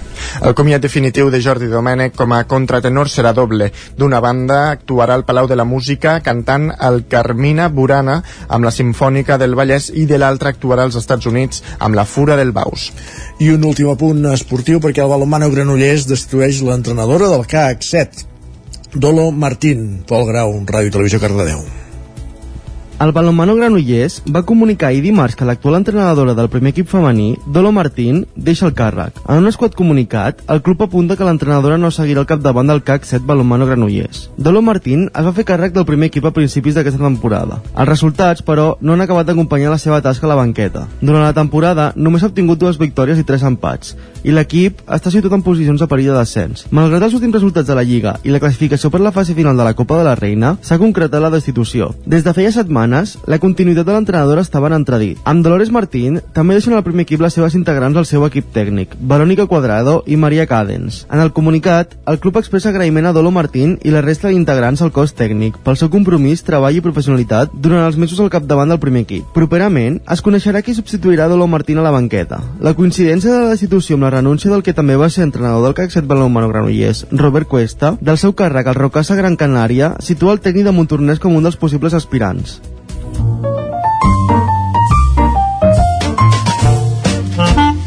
Casa Terradellos us ofereix el temps. I ara que és un quart clavat d'11 del matí, tornem a una codinenca, allà ens espera en Pep Acosta amb la previsió del temps per a les properes hores. Pep, bon dia. Hola, bon dia. Les temperatures màximes també van pujant. Ahir amb els valors superiors als 10 graus, la majoria entre els 10 i els 15, fins i tot en alguna zona ja han superat els 15 graus. Avui eh, més poblacions, estarem això, eh, entre els 12 i els 16 graus. Una, al migdia, un ambient eh, força agradable, força suau, s'hi estarà bastant i bastant bé al migdia. Eh, I novament avui, sense gairebé cap núvol, eh, molt poca molt poca nuvolositat, si és que hi ha algun núvol serà molt, molt despistat, i, i, i vents també que es van afablint. Ahir encara una mica de muntana, eh, però avui ja aquesta tramuntana desapareix i tindrem uns vents, com deia, molt, molt febles, típic d'anticicló. L'anticicló no, no ve acompanyat de vents ni molt menys, eh, sinó que ve acompanyat d'aquesta estabilitat, d'aquesta suavitat de temperatura al migdia i de fred a la nit. Hi ha un gran, un gran contrast tèrmic entre el dia i la nit, les temperatures són baixes de nit i suaus de dia, i també aquesta inversió tèrmica, és a dir, fa més fred a les valls eh, durant la nit que no pas a alta muntanya. Moltes gràcies i continuem amb aquest anticicló que sembla que n'hi ha per dies i dies. Adéu, bon dia. Doncs estarem atents a l'anticicló. Gràcies, Pep. Fins demà.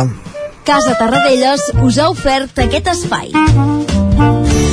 Territori 17. Envia'ns les teves notes de veu per WhatsApp al 646 079 023. 646 079 023. WhatsApp Territori 17.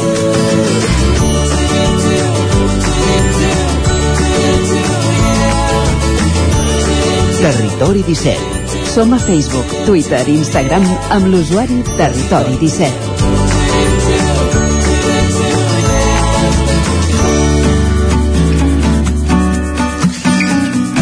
Ara que passen dos minuts i mig d'un quart d'onze del matí ens endinsem al territori sostenible, la secció que ens acosta cada dimecres. En Jordi Givert, des d'Ona Codinenca, on ens descobreix doncs, diverses iniciatives que des de l'àmbit moltes vegades del sector primari que, que tenim a casa nostra, al nostre territori, en aquest ampli territori 17. I avui aquest territori sostenible viatja fins al Coll Cabra, fins a Tabertet, concretament per parlar de bolets. Ens en dona més detalls, com dèiem, en Jordi Givert, des d'Ona Caudinenca. Bon dia, Jordi, una setmana més, benvingut. Avui a Territori Sostenible ens hem acostat a Tabertet per parlar de bolets, bolets ecològics produïts eh, aquí mateix. Tenim amb nosaltres eh, el Roger Abell, que és eh, un dels socis de Mycelio, que és eh, aquesta empresa que, ha- que ha iniciat aquest projecte. Hola, Roger, com estàs? Hola, bon dia. Molt bé, gràcies. Uh, Roger, uh, volíem visitar-vos, conèixer-vos una mica millor com, com, com, com neix aquest projecte de, de fer uh, produir bolets uh, ecològics aquí al, al, uh, a Tabertet. Uh, bueno, doncs aquest projecte neix arran del meu soci, en Thomas, uh, i un seu amic, l'Esben, que un, un bon dia em ve a veure, i amb la idea aquesta de, de produir bolets ecològics de cultiu. Uh, llavors aquí on estem, estem ara a Tabertet teníem una zona que semblava bastant idònia i per, per, per, per fer els bolets, ja que bueno, tenim una, una cova soterrada on no hi ha la temperatura il·luminat idònia, vam començar a fer unes proves i vam veure que els resultats eren bons i a partir d'aquí va, va néixer tot el projecte de, de Micelio que en principi doncs només fèiem el que era la, créixer els bolets i la venda de bolets i ara en una segona part ja hem desenvolupat eh, la tecnologia per, per fer-nos a nosaltres el substrat partint de, de, d'això, de la fusta que traiem dels nostres boscos locals eh, i d'aquest substrat és allà on neixen els bolets Um, clar, una, una de les coses que, que ens interessa és conèixer una mica aquesta infraestructura. Primer, uh, el lloc on, on, uh, on, el, on produïu els bolets, uh, quin, quin és i quina infraestructura necessiteu? Clar, que el, el, o sigui, la producció es divideix en dues parts, el que és el que deia la producció del substrat i el que és el creixement dels bolets. El creixement dels bolets, que és el que primer que vam fer, això doncs necessita, això són llocs foscos, humits, amb una temperatura constant, eh, que per això vam començar a fer les proves aquí dalt perquè teníem, teníem aquestes condicions i després el substrat, no? el substrat és, ja és un trema més mecànic que el que vol és això, doncs, tenir fusta de bona qualitat que en aquest cas fem servir el faig Uh -huh. i doncs és això, doncs aprofitant um, la biomassa forestal que hi ha, doncs la triturem i passa per tot un procés per fer doncs uh, aquesta espècie de blocs, unes bosses que fem de, de 3 quilos que inoculem um, amb el miceli i a partir d'aquí doncs, ja comença el procés um, perquè, perquè vagin creixent els bolets. Um, Uh, clar, uh, i el, el procés de, de, de creixement del bolet uh, quan, quan duraria? Uh, es poden fer tot l'any uh, uh, segons la, el tipus de bolet uh, el feu durant una època o, uh, o aquest procés de cultiu us el permet produir durant tot l'any? Clar, és un dels avantatges de, dels bolets de cultiu que com que les condicions meteorològiques estan controlades et permet doncs fer-ho fer, -ho, tot l'any no? d'aquí un dels avantatges i per això vull dir, cada bolet té les seves característiques, hi ha que, que tarden més, hi ha que sortint, hi ha que tarden menys, però sí, es pot fer, es pot fer tot l'any. I, i quins, quines varietats de, de bolets són les que, les que cultiveu?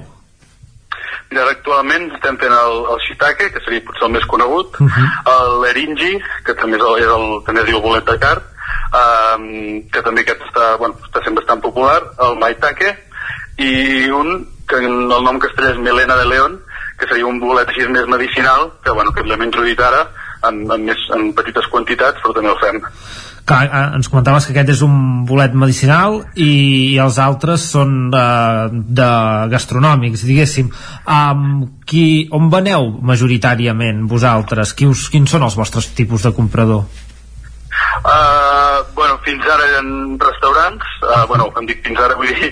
Fins Abans de la pandèmia. De, de la pandèmia, correcte, uh, i ara hem, doncs, hem, hem canviat una mica, o bueno, més que canviat no, perquè abans també veníem, però hem potenciat més el tema botigues i, i ara actualment doncs, per aquí, per la zona de la comarca d'Osona, es poden trobar a botigues com Mengem Osona, Arrel i el Veritas. Uh -huh i, i a, a més a més en, ens comentaves que, que es pot comprar aquest substrat.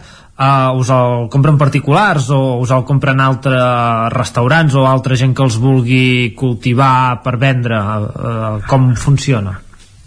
Uh, bueno, el substrat que és, uh, és una cosa bastant recent que hem començat a produir ara Uh, la idea és, a la llarga, sí, que ho puguin comprar particulars, a nivell particular, si vols comprar, doncs, uh, una bossa de substrat per cultivar els teus propis bolets um, i l'altre pues, és, és altres cultivadors. Seria pues, altres gent que com nosaltres al seu dia vam començar a comprar el substrat a, a un altre fabricant doncs uh, gent que vulgui començar a iniciar-se en aquest món doncs que ens pugui comprar el substrat i, i produir-se els seus propis bolets. Uh, ens eh, ens comentaves el, el tipus de bolets que, que vosaltres eh, cultiveu es pot cultivar amb aquest sistema qualsevol bolet, un rovelló per exemple o, o són una, unes varietats determinades? Uh, són varietats determinades s'està investigant per, per, per ampliar el ventall no? però normalment, i els que cultivem nosaltres són el que uh -huh. popularment són coneguts com bolets de soca de soca Molt bé. Uh, I també us volia demanar, ens has comentat aquest canvi de, de, de consum de, dels vostres clients. Us ha afectat molt la pandèmia com, com a empresa?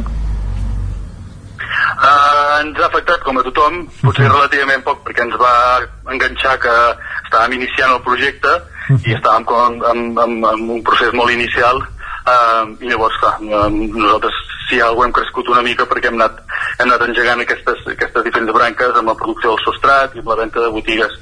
No? però, però bueno, evidentment sí que, sí que ha afectat um, per, sobretot pel tema de, de restauració. Per anar, per anar acabant uh, quin, quins són uh, teniu proje algun projecte més entre mans de, de futur uh, més varietats de bolets uh, o, o de moment no o us voleu consolidar Sí, bueno, sempre estem mirant no, noves veritats, el, els plans de futur és una mica, bueno, això, consolidar el que estem fent ara, sobretot amb la, amb la, amb la producció de, del substrat, i sí, bàsicament això. Uh, doncs uh, gràcies per, per atendre'ns i, i per explicar-nos aquest projecte que recordem que és de, és, uh, és de producció ecològica, no?, els bolets que produïu. Correcte, sí, sí, tots, mm -hmm. tant el substrat com els bolets està certificat pel CCPE. Doncs nosaltres deixem aquí el territori sostenible d'avui. Tornarem la setmana que ve i ara continuem al territori 17 eh, repassant l'actualitat eh, local de les nostres comarques. Fins la setmana que ve.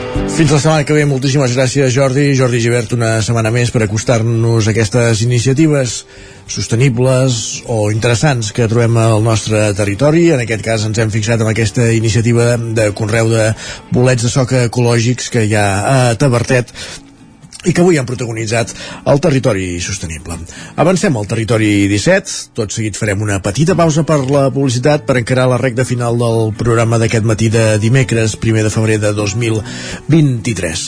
En tornant de publicitat, què farem? Doncs com cada dia, ens endinsarem al món de Twitter, a conèixer les pilades més divertides que hagi trobat en Guillem Sánchez, i després ens acompanyarà la, la Cristina Enfuns, la nostra lingüista de capçalera, cada 15 dies ens acompanya eh, parlant de llengua, descobrint-nos, o més que descobrint-nos, fent-nos parlar bé la nostra llengua, i avui parlant de les expressions a l'entorn de la Candelera, que se celebra demà, 2 de febrer, i també de mocadors de paper per als refredats. D'aquestes qüestions en parlarem i també hi posarem música, com fa sempre cada dia la Cristina, que analitza una cançó i aquesta setmana no podia ser de cap altre grup que del grup de la setmana, del grup del moment de Oques Grasses, que dissabte omplia el Palau Sant Jordi en el comiat de la seva gira i en aquesta aturada que fan fins a la publicació del proper disc l'any 2024.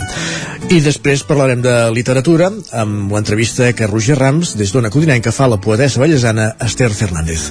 Aquest és el contingut que ens manca per, encara per extreure avui el territori 17, tot seguit una pausa i ho abordem fins ara mateix.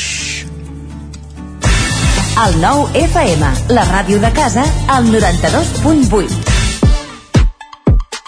Al forn de pa i pastisseria Glina hi trobareu una gran varietat de pans de producció pròpia amb farina de blat i de molts altres tipus, tots elaborats al nostre obrador. També us oferim tortells, braços de gitano, coques, brioixeria i pastes seques i pastissos personalitzats. I ara també ens trobareu al Mercat Municipal de Torelló. Forn de pa i pastisseria Glina, carrer Major número 9 de Sant Vicenç de Torelló i Mercat Municipal de Torelló. Ja tens la teva disfressa? Carnestoltes a Manli. Vine i demana'ns la disfressa que vulguis. Trobaràs un món de fantasia en disfresses i complements per al Carnestoltes. Hi ha uns preus especials. Som al carrer Ramon Soler, número de Vic, i també ens trobareu a manli.cat. Fem de la festa una bogeria. Una bogeria. Bon dia, us truco del servei tècnic oficial de Bailand. Hem detectat que la pressió de la seva caldera està baixant. No me n'havia adonat. Com es pot solucionar? Ho resoldrem en uns minuts. No espereu més. Amb el servei de manteniment ServiPlus Connect de Bailand, preocupeu-vos del que realment importa. Nosaltres ens encarreguem de la vostra caldera. Informeu-vos a connectivitat.bailand.es. Has esperat que arribi el fred per comprovar si et funciona bé la caldera? No pateixis, a Casa Jové som especialistes en manteniment, reparació i revisió d'equips d'aigua calenta i calefacció, tant en l'ambient domèstic com industrial. Si tens una avaria, no ho dubtis. Som Casa Jové. Ens trobaràs al carrer Girona, número 9 de Vic, i al telèfon 93 886 1596. Casa Jové, el teu servei tècnic de confiança. Cocodril Club. Si t'agrada la bona música dels anys 60, 70 i 80, escolta el 9 FM els matins de dissabtes i diumenges d'11 a 1. És el temps del Cocodril Club, tot un clàssic de la ràdio, amb les bases del pop-rock, les llegendes, les cançons que s'han convertit en autèntics himnes. Recorda, dissabtes i diumenges al matí, d'11 a 1, al 9 FM 92.8. Cocodril Club, el programa revival de l'Albert Malla. Hasta luego, cocodrilo. Bon dia, són les 9 al Territori 17. Demà Miquel Parella. Cada matí i durant dues hores t'acompanyem i et posem al dia de l'actualitat de casa nostra. Potenciant així l'autonomia En aquest cas me la peça el teler si no... Cursos per feminitzar el pensament masculí. Territori 17, el magazín matinal d'Osona, el Moianès, el Ripollès i el Vallès Oriental. Que la meva àvia de 93 el anys... 9FM, el 9TV, el 99.cat i també els nostres canals de Twitch i YouTube. Demà per fer-se un tatuatge. Cada matí, Territori 17. Ole. Anuncia't al 9FM. La màquina de casa. 9 3 8 8 9 4 9 4 9. Publicitat arroba al 9FM.cat. Anuncia't al 9FM. La publicitat més eficaç. I ara mateix al territori 17, dos quarts d'onze.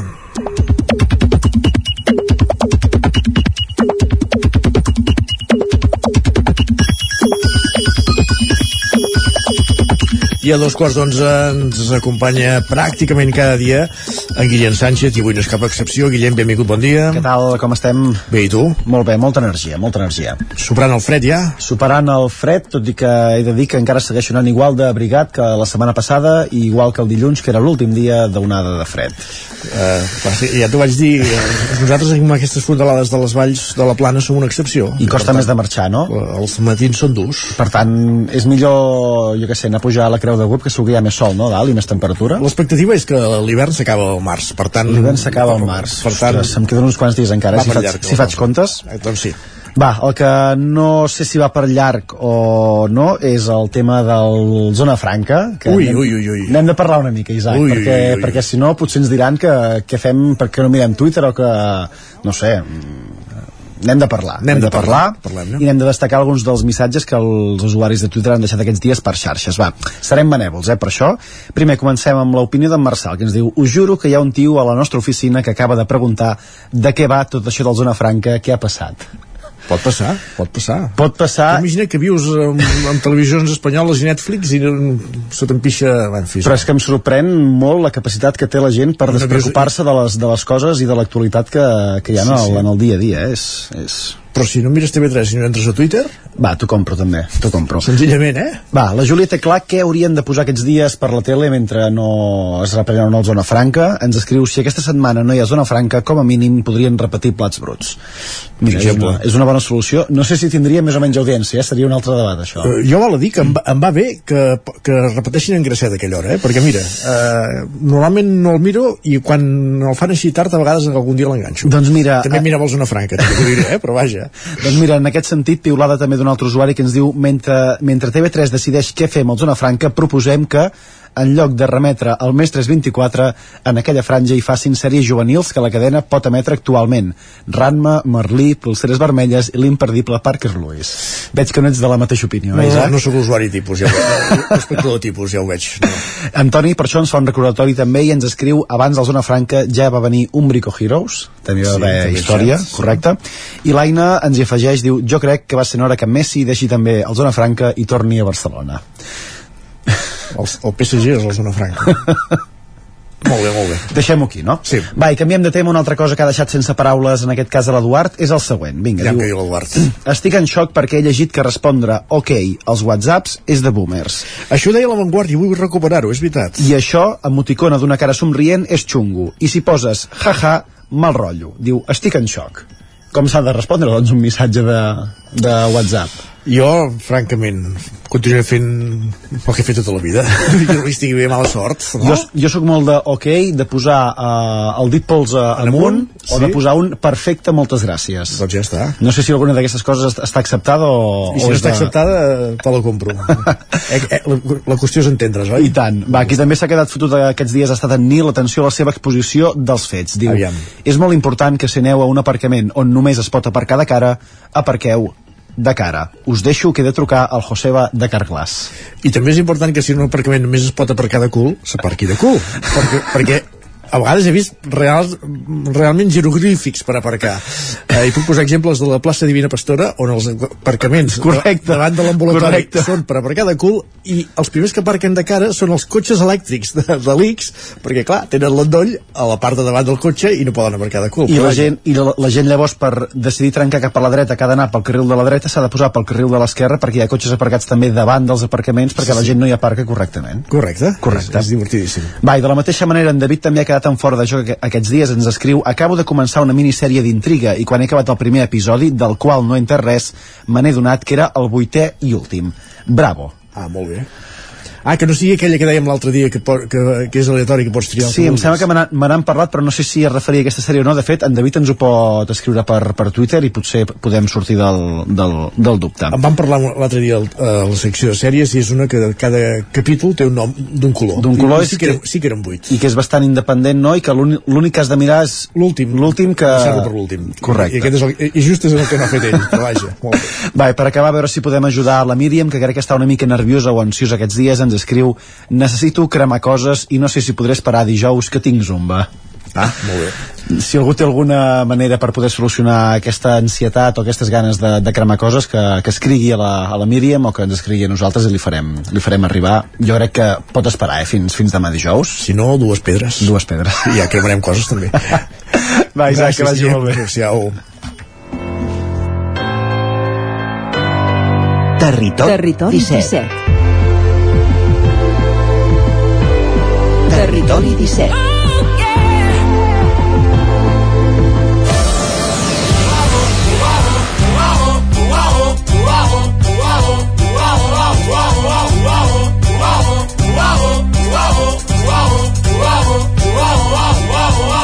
Me sobren paraules, agulla, fil de cosir. Doncs vinga, sintonia per saludar una setmana més la Cristina Enfruns, que ja la tenim a punt. Cristina, benvinguda, bon dia.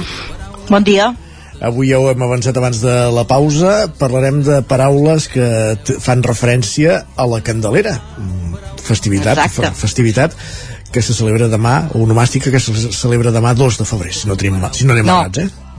Anem equivocats, eh? Ara és el 2, divendres el 3. Caram, doncs, Divendres és dos. Divendres és dos. no, però si avui és 1. Ai, no, demà, perdó. Oi, Ai. sí, ara, ara, mira, jo tenia apuntat aquí divendres, eh? Ara, ara et fallava. No, i tant, i tant.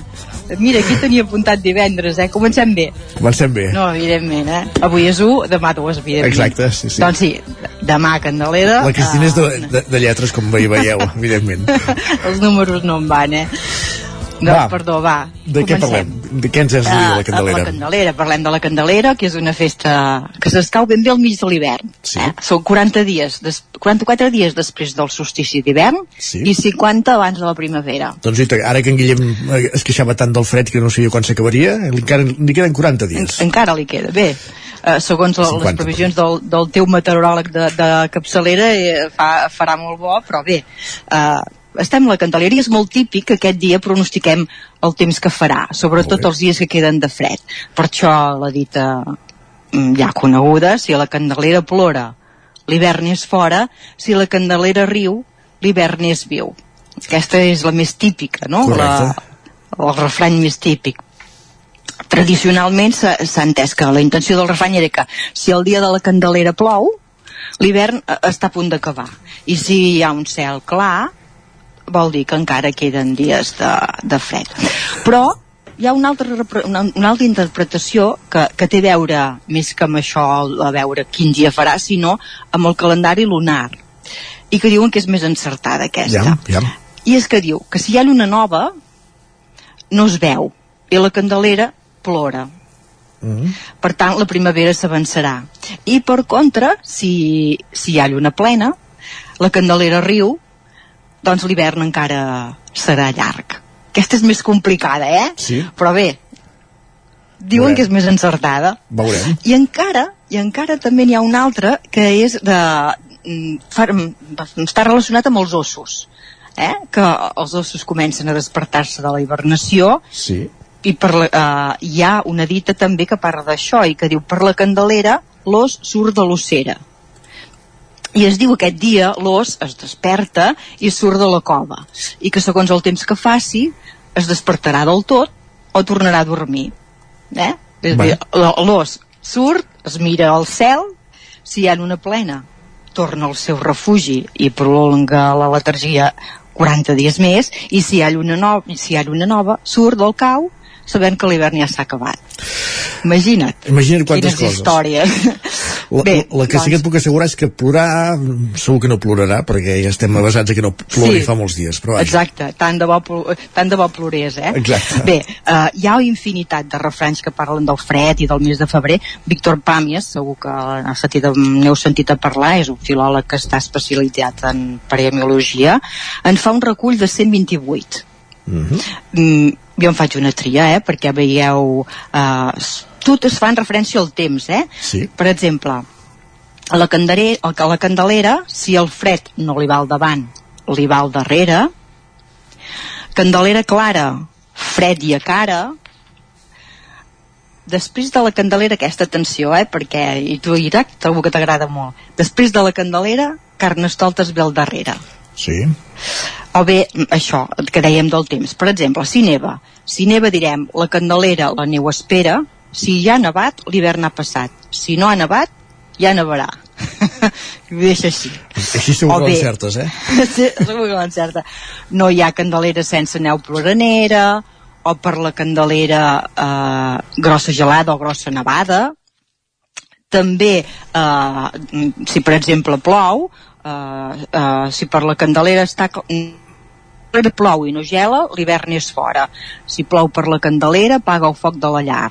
Si plou per la, per la candelera, prou 40 dies de filera. És a dir, totes, eh, tots aquests refranys eh, parlen mm, bàsicament del temps, però es curen en salut i en el fons el que diuen és que eh, passi el que passi, eh, continuarà fent fred.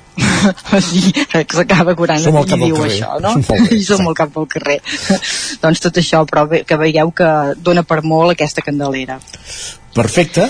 Ens volies parlar també de mocadors de paper, eh? Sí, perquè eh, ja ho, mm, ho sabeu tots, que estem tots refredats no, Sí. aquests dies, i segur que un dels objectes que heu, fem servir més aquests dies és el mocador de paper. No? Mocador de paper o Kleenex. Marca en diem comercial. També, eh? Què passa amb aquest Kleenex? Aquest clima eh, és la- l'adaptació de la marca nord-americana Kleenex, que ve de clean, de clean, de netejar, sí. i del sufix ex. És el que en diem un nom, un nom propi que es converteix en, en un nom comú. Eh? Ve d'una empresa que es deia Kimberly Clark, que va...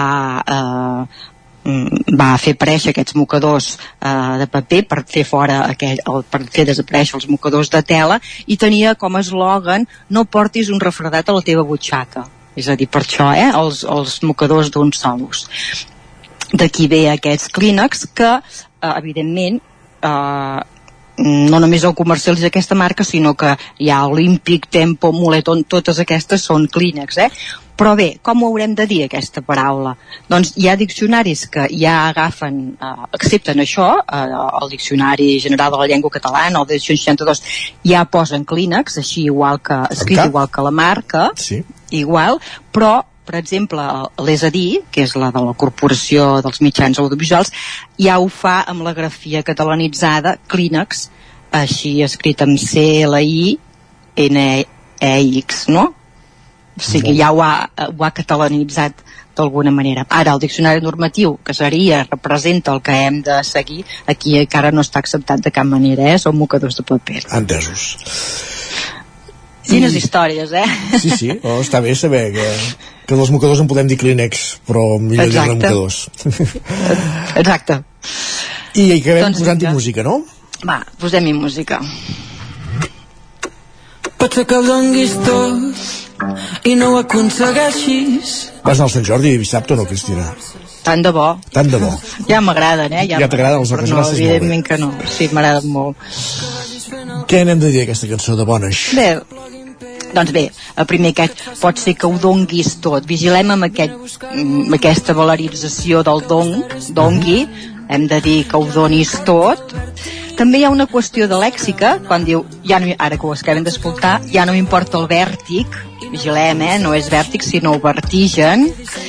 Uh, i aquest, tot el què, aquest, el què, el què, el què tan, tan, tan freqüent en les cançons, vigilem que l'hem de fer uh, neutre, el que, eh, el que no entenem, el que ens està omplint, i aquest a tope amb la vida, aquest o no hauríem d'acceptar, eh? Tan, tan, Ja, tan, ja és un himne d'oques grasses, això. Ah, exacte, és un himne, però bé, en català hauria de ser al màxim, vivim la, la vida al màxim, al 100%, a totes, fins al límit, etc etc etc. però clar, aquí fa una mica de mal dir que no podem dir a tope amb la vida. De fet, el, el 99.cat el dissabte titulava Ho peten. Uh, no sé si... Bueno, en parlem un altre dia d'aquesta, també, no? En parlarem un altre dia, sí, n'hem parlat amb algunes cançons, eh? però bé, és que jo sóc bastant defensora que hem de promocionar una mica el llenguatge del carrer. Molt bé. Eh? L'hem d'incentivar una mica per no, no perdre-ho tot, almenys, no? Exacte. Molt bé. Doncs amb poques gràcies acabem, Cristina. Moltíssimes gràcies. Molt bé, sí home, a vosaltres. Vinga, adéu-siau. bon dia. La por que porto dins és de no estimar-me prou. Que la Territori 17, el 9 FM, la veu de Sant Joan, Ona Codinenca, Ràdio Cardedeu, Territori 17.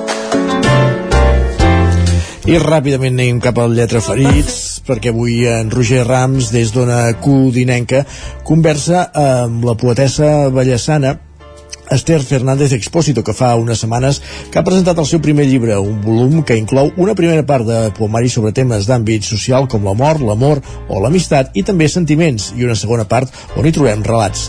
Com dèiem, doncs, és una entrevista del nostre company d'Ona Codinenca, Roger Rams, a qui ja saludem. Bon dia, Roger. Doncs avui tenim aquí a l'Ester Fernández d'Expósito. Esther, què tal? Bon dia. Molt de gust, encantada d'estar amb vosaltres, molt contenta. I avui et tenim aquí per uh, parlar d'aquest llibre que has publicat fa unes setmanes, Siento, luego escribo. Eh, és la primera obra que publiques? Eh, sí, exacte, és el meu primer poemari. M'ha costat molt de treure'l, ha sigut a cops de, de que la gent m'insistís en vinga i què estàs esperant, tens molta, molt material, què, què esperes per fer-ho i m'ha costat, m'ha costat lo seu però bueno, al final ja el tenim aquí Explica'ns des de quan escrius poesia. Perquè ara dius que tenies molt material, per tant, eh, intueixo que fa temps, no? Sí, sí, sí, des de ben jove eh, m'agradava molt escriure, m'agradava molt llegir, sobretot llegia molt el que tema de poemes, m'han agradat sempre molt, els clàssics, Becker, Lope de Vega, eh, tots aquests clàssics, no? Unamuno, després em vaig enganxar molt amb el Miguel Hernández, que és un dels meus favorits, després vaig conèixer Gloria Fuertes, Mhm. que tothom la coneixia per, pel tema dels nens, però realment té una poesia mm, brutal, o sigui, és fantàstica. Uh, M'agradava molt el Joan Papaseit, Mhm. uh, el seguia, el llegia molt, els seus poemes, perquè eren molt enrebaçats i és el que a mi m'atreia. I després, però com m'agrada molt el teatre, és un tema que, que sempre m'ha fascinat, doncs feia com petites obres de teatre, molt simples, molt... Estic parlant que tenia 15 anys, eh? Mm -hmm. sí. Déu-n'hi-do. Clar, no, no, i feia obres de teatres molt, molt, molt, molt, molt simples, però bueno, m'agradava, m'agradava molt escriure i, i bueno, imaginar-me pues, a dalt d'un escenari, no?, eh, que estigués això.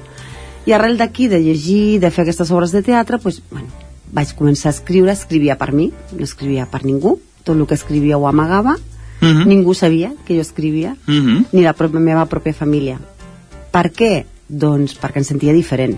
Mhm. En aquella època, quan jo parlava amb els meus amics o amigues i els hi intentava pues, mostrar algun poema meu, pues, és com una mica eh, què és això, no? Mhm. Eh, ara estem per, per la noche loca, no? I jo pues, estava tancada amb tots aquests temes. Llavors em sentia diferent i vaig com un tema que vaig voler amagar. Bueno, pues escric per mi i, i aquí queda. Mm -hmm. uh, la poesia que trobem en aquestes pàgines del llibre la definiries com a alliberada. Per què? Doncs, primer, perquè jo no continuo una, una no continuo amb una mètrica val? Eh, els meus versos sempre he dit que són versos lliures Mm -hmm. no tinc una mètrica de pues, com pot ser un soneto o com pot ser un altre vers no? jo faig verso lliure llavors a mi rimar no és que em costi, ho puc fer perfectament però considero que com jo escric des del cor eh, tal qual surt eh, queda plasmat llavors sí que m'agrada molt donar-los una musicalitat això sí Mhm. que és veritat no? És dir, quan tu puguis llegir aquest poema que l'estiguis llegint i t'estigui transmitint el que jo vull que, que tu puguis uh, rebre no?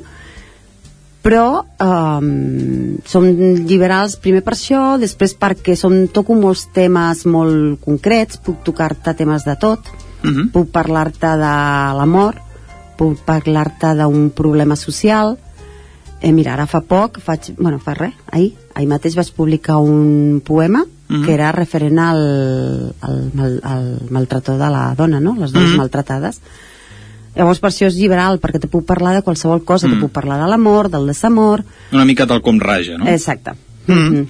Dius que aquest llibre eh, té això, no? que passa per diferents estats emocionals, una mica Mhm. alegria, tristesa, una mica una, mica una barreja de, de sentiments, no? de sort també. Mhm. Com, com és possible això? Com, com aflora tot això? Bueno, uh, mira, jo uh, sempre ho dic, el meu llibre és com una muntanya russa, val? Eh, te puc parlar de l'amor, com t'he dit fa res, però de cop i volta t'estic plantejant amb un poema una situació eh, del dia a dia, uh, pues, el que t'he dit, no?, d'una violació, Mm -hmm. o te puc parlar d'una persona que mor i, i ell està veient la seva, el seu propi enterrament o, Mhm. el, o, o quan l'estan ballant, no? Mm -hmm. Um, te puc parlar d'un problema, per exemple, de l'insomni, val? o sigui, i per això dic que és una muntanya russa, perquè, a més a més, és curiós perquè el meu llibre no té un ordre, o sigui, Mm. és, és un desordre total. Jo sempre ho dic als lectors, quan me l'adquireixen, els dic que el meu llibre no és per llegir com si fos una, una novel·la, no? Mhm. Mm que l'has de llegir seguit. De principi final... No, no, no, no, no, no. El meu llibre és perquè l'agafis, eh, t'agafis dos, tres poemes, o un, dos, tres relats, perquè els relats estan al final, Mm -hmm. D'això en parlarem també més endavant. i, i el deixis. Mm -hmm. I Que puguis dies- triar una mica, no?, segons en funció del que tu vulguis. Exacte, perquè jo estic jugant amb els sentiments, o sigui, Mhm. jo de cop i volta t'estic donant una alegria, t'estic posant un poema que és molt maco, molt amorós, molt d'allò, molt romàntic, digue-li com vulguis, però de cop i volta passes fulla i t'estic mm, pues, parlant de lo que he dit abans, no? pues, per exemple, de l'amor. Mm -hmm. Llavors a mi m'agrada molt jugar amb això, perquè a mi m'agrada que juguin amb això. Jo un poemari que és lineal eh, no m'agrada.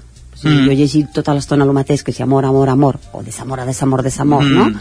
O la vida és bella, Mm. eh, i tota l'estona tens la mateixa temàtica en diferents paraules, Es fan palagós, no? Es fa, Sí. Es fa pesat, Llavors hi ha un potser. poemari costa de, de que la gent el pugui acceptar perquè clar, tu mm, treure un poemari no és el mateix que, que si treus una novel·la No, clar, que- la gent s'espera llegir de principi a final, de la pàgina 1 a la 100... Clar, i, i que a més a més no tothom li agrada el, els poemes. Llavors, Mhm. No és que no els agradin els poemes, és que tothom té el tema de poemari com algo o molt romàntic, o desamor, o que la vida és bonita i jo... M'entens? Ningú um, s'ha parat a pensar que amb un poema pots dir moltes coses, no? Que és el que jo vull mm, transmetre amb aquest llibre, no? Mhm. Vull dir, no, te puc parlar hasta del vent. Mhm. O sigui, te puc parlar d'una persona que, que es vol suïcidar, m'entens? Mhm. I t'estic fent un poema, t'estic transmitint una cosa que és un dia a dia que el tenim aquí, a, a la porta de casa, Sí, sí, que sí, cada sí. vegada hi ha més persones que s'estan suïcidant, i jo t'estic fent un poema, o sigui, no t'estic parlant de l'amor. Mm -hmm. O sigui que per triar i remenar una mica. Sí, per això que és un poemari, com t'he dit, no? que no, no has de llegir-lo de seguit, Mhm. has d'agafar, mirar, mica al cap d'uns dies tornar... Sí, El gust, anar, anar picant estonetes. Exacte, no? També, exacte. També és la gràcia, no?, d'aquest tipus Sí. de, de llibres. Mhm. Uh, quines han estat, diries tu, les teves principals, així a grans trets, fonts de- d'inspiració? És que me pot inspirar qualsevol cosa és el que et deia, o sigui mira, això ho he explicat molt i me sap greu fer-me repetitiva però és que és així uh, jo puc anar pel carrer i, i puc sentir algú parlar o, o dir alguna paraula i de cop i volta dic, ostres, no? i començar a vindre'm perquè jo no sóc la típica persona que seu a que li vingui l'aspiració a mi si Mhm. no em ve, no em ve, prou, no escric però de cop i volta si em comencen a vindre frases, paraules, saps? De, de que he sentit alguna he vist alguna vaig veure una parelleta que s'estaven barallant una parelleta de nòvios que s'estaven barallant, no? I que jo vaig parar orella, perquè em va cridar l'atenció, i vaig parar orella. Doncs d'aquí vaig treure un poema, val? Eh, un que explico molt, que és veritat, és, és el del vent. El del vent doncs, va ser doncs, per això, feia vent, era un vent, un vent d'aquell de primavera supercàlid, que, hòstia, que t'acaricia, no? Eh, com dic jo, m'anava acariciant, i bueno, anàvem al cotxe i buah, em van començar a vindre paraules, paraules, frases, frases, i quan vaig arribar a casa I- ho vaig començar a muntar tot. Abans Sí, de ah. que s'escapin. Sí, sí, a més no, ho haig de fer ràpid, eh, que si, com se m'escapi, ja no me'n recordo. Però és així, jo, és que em pot inspirar qualsevol cosa. Veig una notícia i, i penso, hòstia, quin just, no? O quina injustícia, no? Per exemple, els relats meus, que com tu has dit després parlarem, doncs parlen molt de coses d'aquestes, no? Mm. D'injustícies, no? I és un crit i un reclam a que, per favor, que, que, que, que entre tots ajudem, no? I ens donem compte. Uh -huh. Parlaves de, de fonts d'inspiració diverses, de temàtiques diverses en algun d'aquests poemes, els retrates a tu mateixa? O intentes no parlar de tu? Bueno, n'hi ha alguns que són autobiogràfics, val? Eh, però no tots, eh?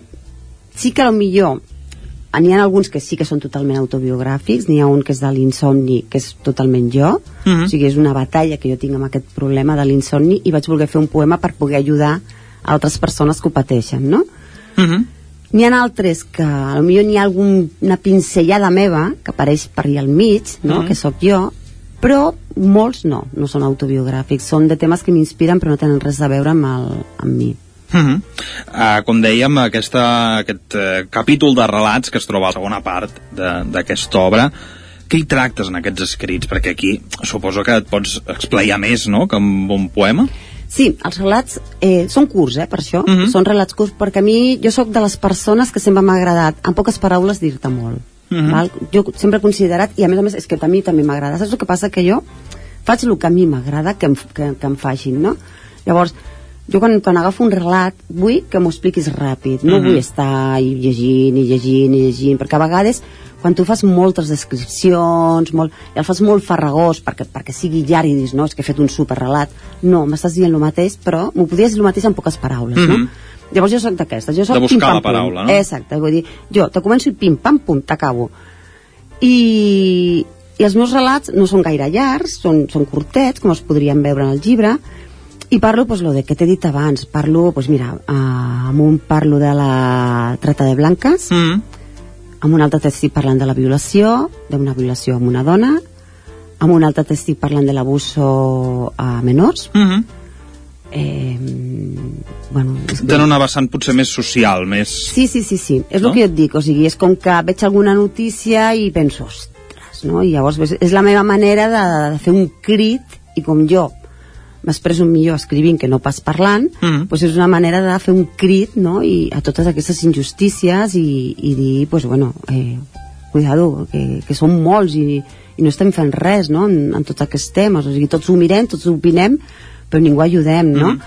Per exemple, amb el tema de, del vel, no?, de, de tot el que Mhm. és el, el Afganistan i de tot Sí. això, pues, quan jo vaig veure que aquella noia que la van matar ah, pues, bueno, ràpidament em van començar a vindre paraules, frases, no sé, i vaig fer un poema, i era una reivindicació, no?, el dir, bueno, basta, o sigui, Mhm. ja sé que és, que és una cultura, ja sé que però ostres, ho estem veient tots i ningú fa res. Ningú mou un dit, no? No, A vegades, tots eh, diem quina pena, pobrets, o com la d'Ucrània, no? Tots diem, ostres, molta pobres, gent com eh, estan... de- de- d'allò de, de sobretaula, no? Una opinió així, o, o al Twitter, per exemple, no? Exacte. També és allà... Llavors jo, bueno, no és que faci gaire cosa, però és la manera de treure... És la teva forma, no? Sí, de- de treure-ho, perquè se't queda dins, et va, a mi se'm va menjant, se'm va menjant, i és la meva manera de, de poder desfogar-me, no?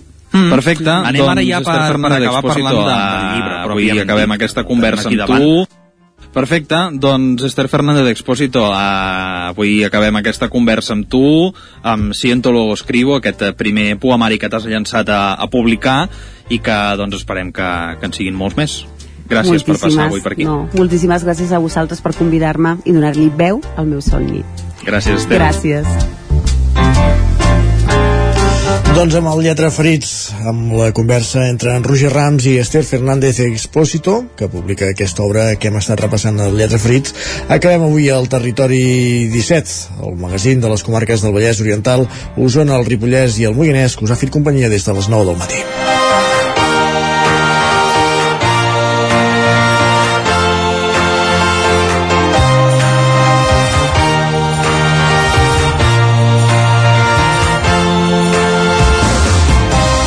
Us hem fet companyia des de les 9 del matí eh, en aquest matí de dimecres, primer de febrer de 2023, vigília de la Candelera. Pepa Costa, Joan Garcia, Isaac Muntades, Pol Grau, Jordi Givert, Guillem Sánchez, Cristina Fruns, Roger Rams, Sergi Vives i Isaac Moreno. I tornem demà a partir de les 9 del matí.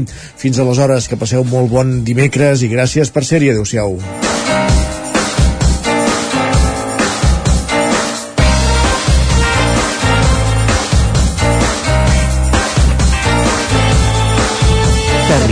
17, un magazín del nou FM. La veu de Sant Joan, Ona Codinenca i Ràdio Cardedeu amb el suport de la xarxa.